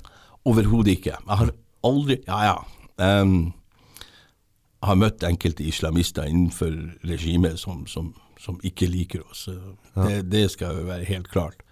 Men generelt i befolkninga elsker utlendinger. Du er veldig godt mottatt overalt. Ja. Ja, det Der kan du gå rundt i gata. Å ja. Å ja, ikke noe problem. Ja, det, som i alle steder finnes det Jo, jo. Ja, ja, ja, men nei, nei, nei, det er ikke noe problem. Du, nei, du ble meget godt mottatt. Som sagt, um, etter noen år så gifta jeg jo med, med, med iransk dame som er kona mi. og uh, Hvis hun kjører, hun kjører fort, uh, problem med iranske damer, så får hun masse Hun blir ofte stoppa og får bot. Ja. Det er ikke det så mye. Men hvis jeg sitter på, så får vi ikke bort. For jeg er utlending, og da nei, bare- Eller hvis jeg kjører, jeg har aldri fått fartsbot. Da bare sier nei da, du, du må kjøre rolig. Ja. Velkommen til Iran. Så kjører vi videre. Så det Så du trives der nede, skjønner jeg? Ja, og ja, det regimet er jo litt spesielt, da, regimet der, men det, ja. Det blir nok verre og verre. Det er jo noen år siden jeg var ferdig der òg, så. Ehm, men fra et sikkerhetsperspektiv så var det et helt annet, et helt annet uh, type, type jobb. ja. Opplevde du situasjoner der nede som, som ble varme? Å ja, vet vi hadde jo, vi hadde jo Da Ahmadinejad ble, ble, ble valgt i, to, i 2009, så var det jo en stor eh, stor krise da de hadde valg. Eh, det ble jo rett og slett krig. Det ble jo nesten borgerkrig i gatene når iranerne til slutt begynte å demonstrere. Um, vi, hadde, vi var veldig nær å evakuere. Og, men det er klart, evakuere er vanskelig. Vi har en fabrikk som spytter ut 51 biler i timen. Ja. Uh, vi skrev 7-8 millioner euro i, i faktura hver dag. ja. Stopper du da, så koster det. Og da uh, blir vi sittende da og fundere og se hverandre i øynene og liksom, hva skal vi gjøre? Og jeg tok sjansen på at det her skulle roe seg ned, og det viste seg å være rett. Ja. Så mm, det gikk bra. Det, men det var et par vanskelige dager. ja. Vi hadde flere ansatte som ble drept. og Inne på fabrikken eller ute i gata ellers? ja, Ute i gata med folk som var ansatt hos, hos oss. Ja, for da fløy bare folk på hverandre? Ja, var ja, ja. Og så bestemte de seg for å mobilisere milisen, eller Heimevernet, kan du si. Okay. Da er det plutselig masse av våre ansatte som ble skutt og da å kontrollere demonstrantene. Så da måtte jeg jo forhandle at det ikke skulle skje. Og, ja. Så det var ganske interessante dager. Hvordan gjør du en sånn forhandling? Er det så inn på i kommunestyret, holdt jeg på å si, eller politistasjonen, eller? Ja, du må inn til det vi kaller for Heraset, som er eh, Ministeriet for sikkerhet og, og kontroll. Eh, og da bruker nettverket jeg har oppbygd for å si at du, du, de guttene har jeg behov for. Eh, jeg skjønner at dere er under press. Vi er klare til å hjelpe dere på andre måter hvis dere skulle ha. Du må lage en hel diskusjon. Du aldri setter dem til veggen. Du, Det, så du må liksom inn på knærne litt og liksom si kan ikke dere hjelpe oss med det, og se om vi kan hjelpe dere. Og, og, og så går det, eller så går det ikke. Men det gikk bra. Vi, vi, vi klarte å unngå å stoppe. Hva, hva sitter igjen av minner liksom, på de sju åra der? Wow. Eller, altså, hva, hva, er det, hva er det du på en måte kommer til å tenke på når du blir gammel? Um, et eh, liv 18 timers arbeid eh, hver dag. ja. Um, det som er vanskelig med industriell produksjon og i sånne vanskelige land, er jo at du er hele tida på knivveggen. Uh, noe skjer hele tida, du må ta avgjørelser hele tida. Ja. Tar du feil avgjørelse, så går det til helvete. Ja. Så jeg husker jo Iran som et fantastisk land med fantastiske mennesker, men jeg var hele tida i krise. Ja. Eh, de ringer deg klokka ett om natta. Ja, hva har skjedd? Hva, hva, hva bestemmer du? Ja, bestemmer det. Ja. Ja. Det, men det tar på med årene. Ja. Så det sliter ut på en måte som er litt, eh, litt spesiell. Så jeg, jeg sitter tilbake med minnet av uh, fantastiske fjellturer, uh, gå på ski, uh, stå på ski. Iran som turistland, en av verdens eh, eldste unnskyld, kulturer. Utrolig interessant å besøke. Jeg oppfordrer alle til å gjøre det. Ja, nå i dag òg? Ja. Ja. Oh, ja. Oh, ja, ja. Det er ikke noe problem, det. Det er ikke noe problem å reise dit som turist? Nei. Du blir veldig godt velkommen. Ja. Ja. Det, det skulle gå bare bra. Ja, for, for oss uh, på berget så er det Iran, Irak altså Alt blir liksom én gryte for oss. Det er veldig Mm. vanskelig å skille. Men jeg skjønner jo at skillet er jo enorme. Å ja, Irak er noe helt annet. Um, Det heter liksom Iran, Irak, og så man tenker liksom at det er I, I, Iran er en flere tusen år gammel nasjon mm. som stort sett sitter i de grensene han har gjort i tusenvis av år. Det er ikke så mye utvikling. Har en kultur, et språk, en historie, eh, et folk eh, som er stort sett eh, 99 sjiamuslimer. Noen kristne, ortodokse armenere. Jeg tror de har 20 000 jøder igjen. Eh, men stort sett homogent. Nå finnes det øh, folkeslag, kurdere, øh, øh, baluch, det finnes en del arabere i sør og sånn, men stort sett en homogen befolkning. Irak er et resultat av det osmanske empiret. Ok? Ja, så det var underlagt Tyrkia Ja. eh, helt til i 1920, hvor, det, 19, hvor britene tok over for noen år. Det er en større miks av forskjellige kulturer. Arabere, sunnimuslimsk, arabere, sjiamuslimsk, kurdere og en del andre småting. Det lappeteppet som bygde nasjonen Nasjonen Irak er ikke så åpenlyst som Iran er. Nei. Iran er en nasjon. Det er ingen som, vi kan ha alle mulige meninger om regimet, men det er en nasjon. Ja. Eh, at Irak er en nasjon, alle vil jo fremheve det som en nasjon, men det, det sitter langt mindre. Derfor har du større konflikter. Hvem skal ha makta? Hvordan, hvordan skal vi styre det her? Og Derfor får du disse konfliktene som vi, vi, vi ser i dag. Ja. Syria blir uh, mye av det samme, men på en annen måte. Vi, har, vi, må ha 10-15 podkaster hvis jeg skal forklare alt det der. Hva, hva tror du det kommer til å bli av uh, Irak? Altså blir det, får vi Vil det stabilisere seg? Det har jo en, Jeg har ikke noen krystallkule. Det skal jeg være forsiktig med å si i fremtida. Det har jo til en stor grad stabilisert seg. Eh, vi har fortsatt vold. Vi har fortsatt store interne eh, konflikter imellom folkegrupper og imellom interessegrupper.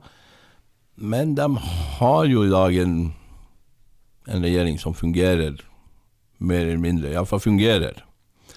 Jeg tror jo ikke at det er revolusjoner som, som, som gjør uh, mirakel. Jeg tror jo det at det beste som kan skje, er en langsom forbedring over 30 år, hvor vi oppdager en dag at ah, nei, det er jo et land som et annet land.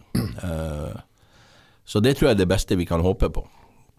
Men USA har jo vært mye der og Ja. Uh, ja jeg klarer fortsatt ikke å forstå hvordan de kunne rettferdiggjøre å gå inn der, men det, det er et problem. ja. Um, ødela det mye. Ja Irak var jo en nasjon under Saddam Hussein og hans regime. regime. Uh, han hadde jo en kontroll på det, med et regime som undertrykker det, som de facto i alle de her landene som aldri har hatt en demokratisk base, fungerer jo sånn. Og den, det forsøket på nation building har jo feila fullstendig eh, i Afghanistan. Og um, Irak Ja. Jeg skal ikke si at det er verre eller at det var bedre før. Det var jo de som var med, og de som ikke var med. og det, så, så um, Jeg tror jo den løsninga å gå inn i Irak i 2003 var jo helt idiotisk. Men det, det, det er jo sikkert de fleste deler jo det med meg. Eh, hadde det vært bedre i dag? Nei, det hadde vært et diktatur. øh, Brutalt og undertrykkende. Men det hadde vært mer under kontroll. Akkurat samme med Libya, akkurat samme med alle de andre. Når du åpner opp den boksen Du, du, du, du, går, eh, som vi sier, du går rett fra, uansett fra en arabisk vår til en islamsk vinter uten en dag med solskinn. Ja. Eh, Det er det som er problemet. at Du kan ikke åpne opp de her landene og tro at nå skal de bli demokratiske. Hvis du åpner opp, du tar, bort diktatøren, som alle syns sikkert er bra, hva kommer nett etterpå? Da, det finnes ikke noe struktur. Det, det blir eh, islamsk struktur som tar over med en gang. Det, det går bare noen uker. Og, og sånn er det. Um, Hva tenker du om Afghanistan? jeg kjenner mindre til. Jeg har vært et par ganger. Eh, Jeg har ikke jobba der, så jeg skal ikke mm, Jeg skal ikke prate om ting jeg ikke kjenner til så mye. Um, men det vel ikke mer håp der. Um, jeg ser at vi har fått besøk av Taliban i Norge. Ja, det var ganske fantastisk. Ja, Jeg regner med at du syns det var bra? ja. du vet, Norge er et lite land. Mm. Eh, vi er et lite, kaldt land langt nord oppe i Europa. Fem millioner mennesker. Vi har ingen betydning i verden. Alt vi har, et Vi har en utenrikspolitikk som i min mening da er i, helt forskrudd, fordi at vi vil være store. Vi er stormannsgale. Ja. Og eh, vi ser jo det overalt. Eh, Nå unngår jo jeg generelt det norske ambassadesystemet, men vi har hatt en del meget gode ambassadører rundt omkring, skal jeg ikke si det. Men eh, det norske UD er jo noe som er skapt for å skape arbeid og karriere og, og fine liv for de folkene som jobber der. ja. Det har jo ikke noe fordel for Norge som nasjon å finansiere Taliban. Nei, eh, Taliban, hva er det liksom? Hva, hva, hva, hvorfor skal vi Ja, hvorfor er det ikke eh, Den røde halvmåne, Red Crescent i Saudi-Arabia, de kunne hjelpe Afghanistan. De har masse mer penger enn Norge. Ja. Kina har muligheter. Ja. Pakistan har muligheter til å hjelpe Afghanistan. Det er dem som har støtta Taliban i årevis. Nei, vi skal invitere dem opp her. Men det er bare for at vi skal se bra ut. Det er bare for at vårt UD skal se bra ut og få Men altså, Taliban altså det, er- det er jo på en måte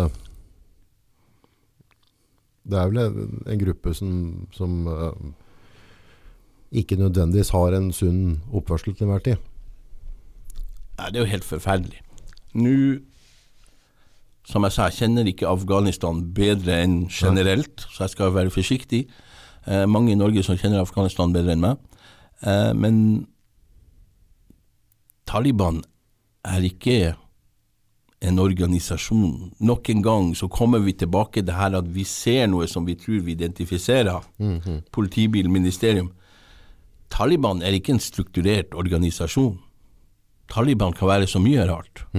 Det er en løs uh, struktur eh, av forskjellige interessegrupper i, i, i, i det her landet som har til felles at de er, har en religiøs, ekstrem uh, fortolkning av hvordan samfunnet skal være. Men det er jo økonomiske, politiske interesser, lokal, lokalpolitikk og alt sånt. der. Og de, jeg er klar til å vedde ganske mye på at du kan ikke forhandle med Taliban. Nei. Du kan forhandle med fem typer fra Taliban, men det betyr ikke at de andre 300 000 er enig med det de sier. Nei. Nei, for det er ikke en struktur. Det er ikke en struktur. Så vi må ikke gå i fella og tro at vi skal forhandle med dem som vi forhandler med, med Russland om gråsonen og økonomiske soner i nord. Det er bare tull. De har ikke den strukturen.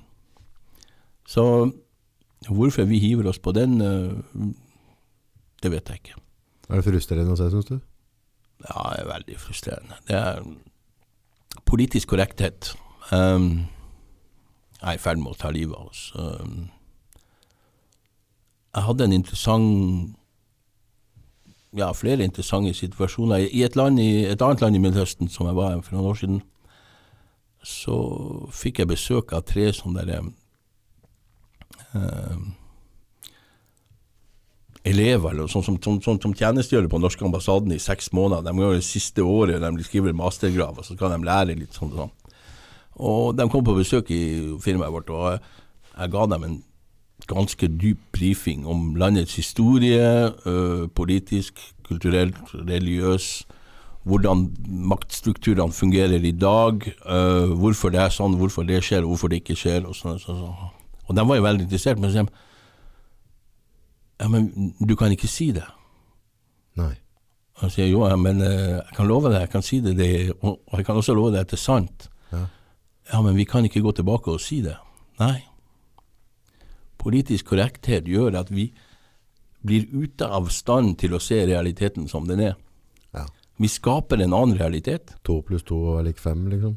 Ja, ja, akkurat. Eller Finne på et eget svar på Ja. regnestykket? regnestykke. Det, det, det blir vi, vi, Politisk korrekthet tvinger oss til å ha det inntrykket som passer best det vi ønsker å se. Og da øh, går den virkelige verden rett til helvete. Og du ser det her nå, i min mening.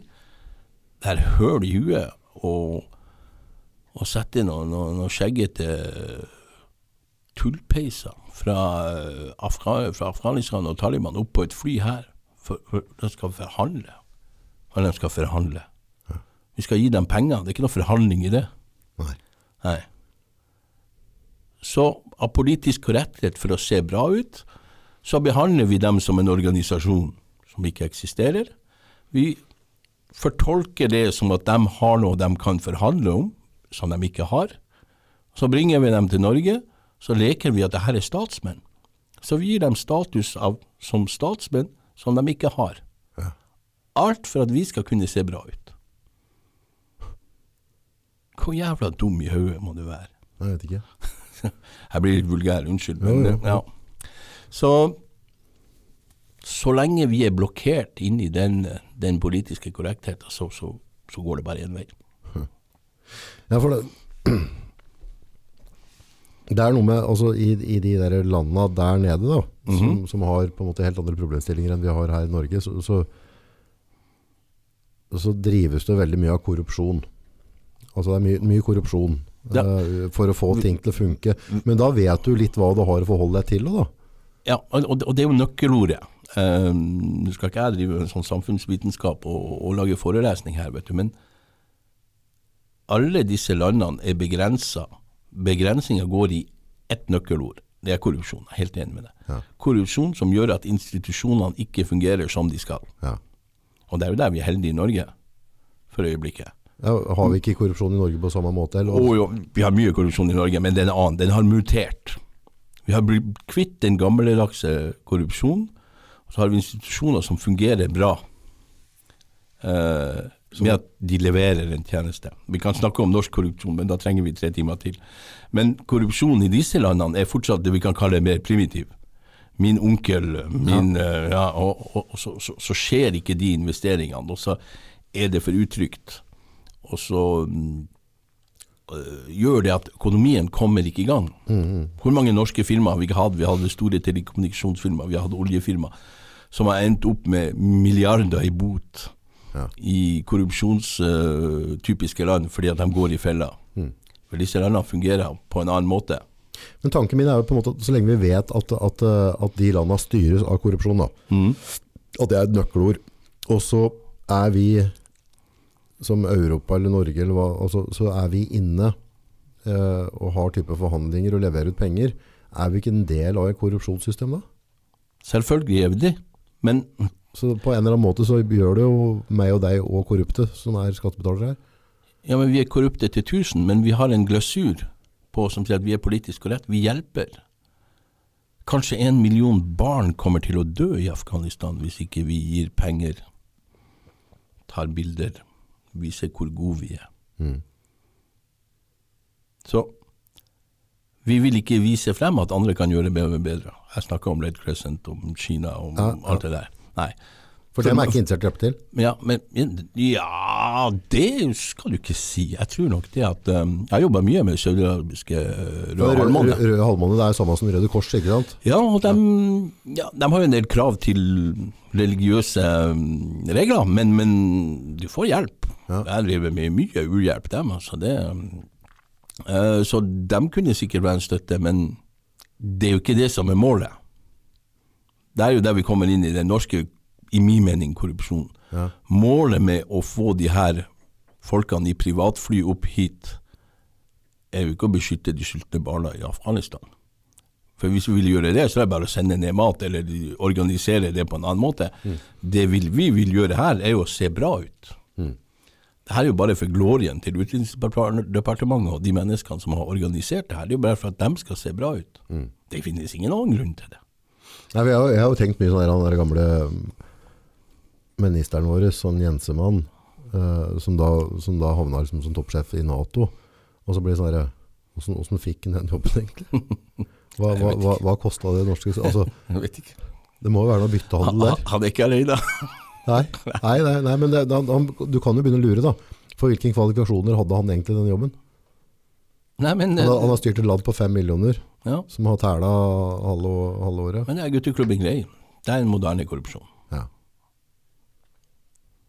Så nå skal ikke jeg legge meg ut på noen sånne dype analyser av det. Det er litt utafor mitt eh, ekspertiseområde. Men Du har jo sett mange land da, og sett systemer komme og gå og falle og vokse opp. Du må jo, altså, du, det, noen ganger så får du da på en måte det bird eye, og du ser det litt fra utsida, for da, du har sett trender og utviklinger før. mm, Og det gjør jo at du er på en måte, i hvert fall har lov til å ha din mening. Da. Eller- Ja, men du, du, du blir jo nødt til å bare smile, for vi, vi, vi, ser jo hvor, hvor Se på strømprisen. Mm. Eh, alle visste, som var litt oppegående, visste jo at dette kommer til å skje, men de sa jo det. Nei, det er bare populistisk. Hold kjeft, det skulle bli så bra. Men prosessen er ofte det samme. Vi skal, eh, vi skal gjøre noe for det skal bli så mye bedre. Og vi lover deg gull og grønne skoger, klima, whatever. Alt skal bli så mye bedre. Ja, det er, vi har en fantastisk idé, den skal bli så mye bedre. Jeg har en plan, Ja, Egon. og så setter vi den i gang, og så blir det ikke bedre. Men, men for det blir ikke bedre, men da, da er det noen andre sin feil. Ja, ja. Ja, da- Det er markedet i Europa. Ja. Det er grønne skiftet. Ja, okay. Og så går det over sin tid, så stabiliserer det, liksom. For vi aksepterer, vi bare svelger unna, vi. Ja. Så blir vi vant til høye priser. Og det neste som kommer til å skje, er Men vi er jo så rike uansett. Vi fortjener jo egentlig å betale litt mer. Hæ? Er det ikke din plikt? Hæ? Og det er normalt det, at vi betaler litt mer, for eh, vi er jo så rike. At vi betaler mer enn Tyskland i strøm, for det er normalt. Og når det går en stund, og neste lag som kommer blir at du fortjener det. Du fortjener å, å, å betale mer. Du fortjener å slite litt, for du, du som er en sånn hvit nordmann, du fortjener å slite litt mer, for det er mange som ikke har vært så heldige som deg. Så du fortjener faktisk å ha den høye strømprisen. At det er mine venner som casher inn, det vil ikke jeg prate så mye om, Nei. men du fortjener det. Ja. Så det kommer om noen måneder. Du får bare vente og se. Nei, det er uh, hvordan, Det var en av de store politikere som var i forhold til det med, med, med årsavgifta på bil. Mm. Så til å begynne med så var jo det kalt eller veiavgifter var, var kalt en luksusskatt. For det var jo ikke vanlig å ha bil. Med. Og, så, og så var det vel oppe da i Stortinget eller et eller annet. Mm. Og så sier de at uh, nå dette er jo ikke en luksusgreie. Altså, det er noe vi bruker faktisk. for Vi har et langt land, vi må flytte oss, arbeid osv. Så, videre. så dette er en folkelig greie. Og da ble det liksom, jeg mener at det ble sagt at det er viktig å, å tukte og lære det norske folk at de skal betale avgifter. Mm. Så da kalte de det veiavgift, istedenfor å ta den bort. For det var egentlig ikke et argument fra han, men for at du og jeg skal skjønne at vi må betale for ting, så beholder vi den. Må bare vi navn på det. Du fortjener det. Fortjener det. Så eh, det, det som er interessant, er at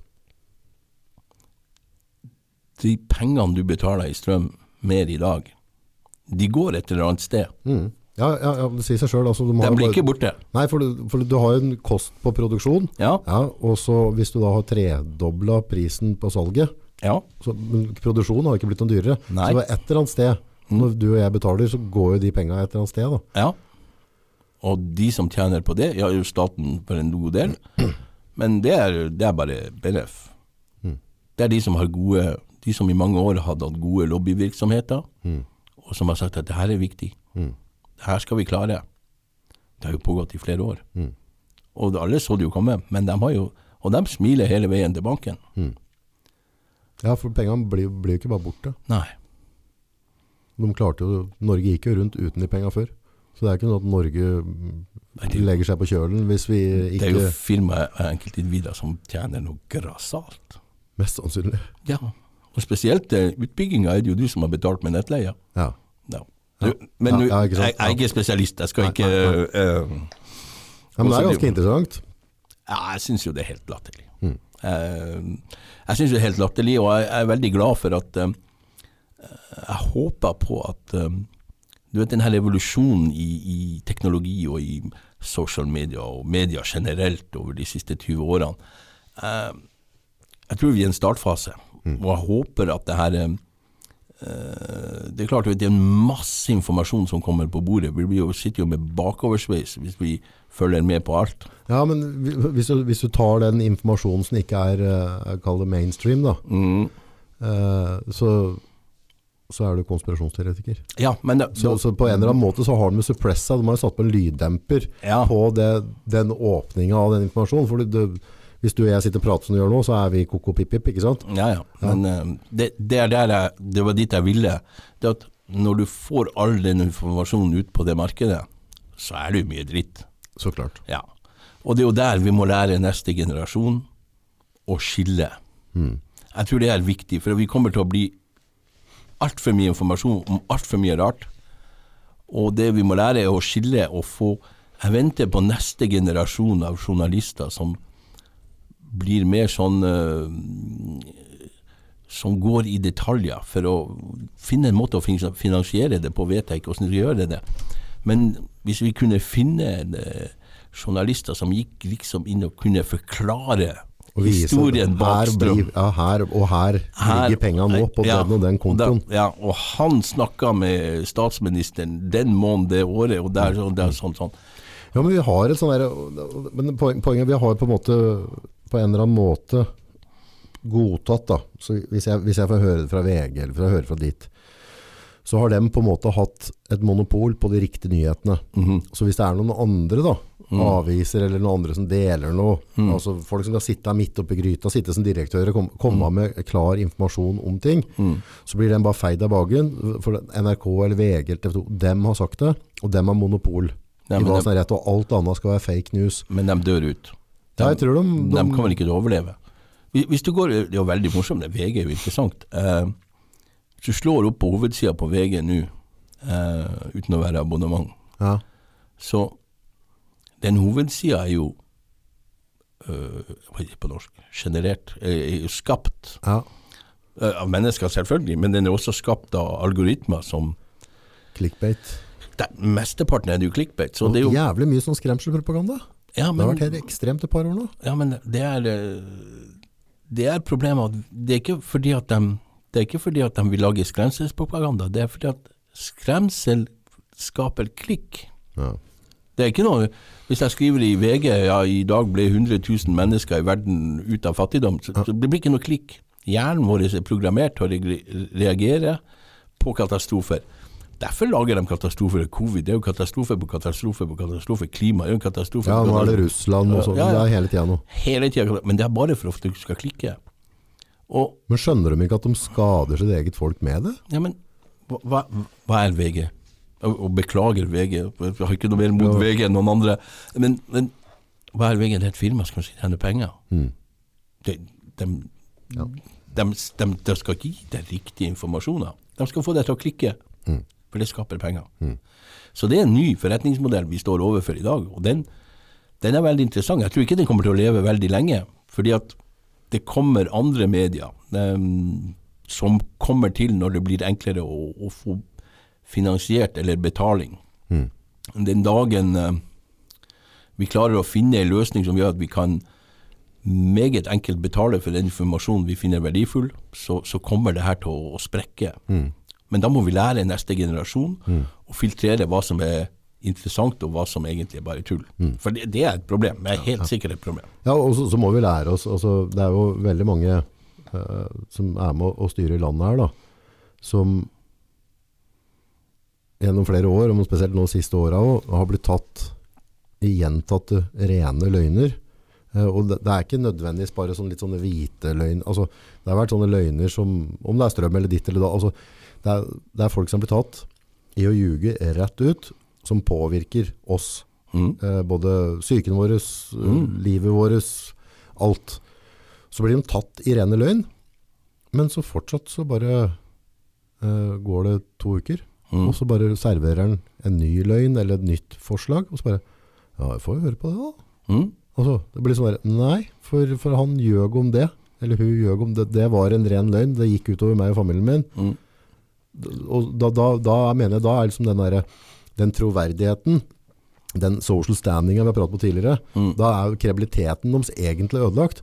Men fortsatt så godtar på en måte du og jeg og folket at de skal få lov til å ljuge for en tiende gang. Og så, ja nei, vi får, bare, vi får gjøre det de sier, vi må, dette følger vi, ikke sant? Ja, men jeg, jeg, jeg tror at pressen går ut og, sier, og, og bruker et, et aggressivt ord som er politikerforakt. Ja, Eh, det, det skal jo være et sånn styggeord nå. Vet du, Man prøver jo ofte å forandre verden med å forandre ordet på ting. Vet du. Ja, ja, Um, det kommer til å bli mer og mer vanskelig for politikerne å dekke over. ja. Um, og vi får uh, mer og mer alternative løsninger. Og det, det kommer til å bli vanskelig. Eh, løgnene kommer til å bli slått opp andre steder. Um, deres manglende erfaring og inkompetanse som er katastrofal. Norge er jo et lite, rikt land, så vi har jo et, alt ligger jo til rette for brollerfabrikkene. Mm. Det er jo ingen som har erfaring, virkelig erfaring innenfor bolig. Det er jo noen som er fantastiske, ikke la meg si det. Det er noen som har virkelig gode og virkelig kompetanse. Men veldig mange har ikke kompetanse i det hele tatt. Og da går det jo som det går. Så lenge vi er rike, så kan vi dekke over vet og, og bare tape milliardene og si at sånn, sånn er det. Pennestrøk, og så Ja. en gang til. Men Hadde, vi ikke, ja, hadde det gått ja, jeg, jeg ser hvor det jeg har litt inntrykk av at det var kanskje like dårlig før, men vi visste ikke om det. ja. Og det vi opplever i dag, er jo at vi får informasjon og ser oi. Og det er jo første nivået. Det er, eh, så jeg tror nok vi kommer til å se omvaltning i eh, forandringer i, i det politiske systemet altså i, i årene som kommer. Spennende tid vi lever i. Ja. Jeg er ikke så kritisk. Jeg, jeg, selvfølgelig det, det er jo latterlig, men eh, jeg har godt håp. Ja. Håp er viktig òg. Ja. Jeg tror vi legger opp til eh, en episode tre. Ja. så- For nå uh, avslutta vi egentlig i Iran. ja. Og så, og så går vi videre derifra. Ja, vi vi kan gjøre det. Og så For da tror jeg, jeg vet ikke hvor lenge vi har kjørt. Det det tror jeg, det er en Ingen stund. idé. Ja, det er ikke. Nei. Så da gjenstår det egentlig bare å takke lytterne for at dere har hørt på. Tusen takk, og sliter med den nordlendingen. Jeg håper dialekten min ikke har vært for vanskelig. Det går helt fint. Tusen takk.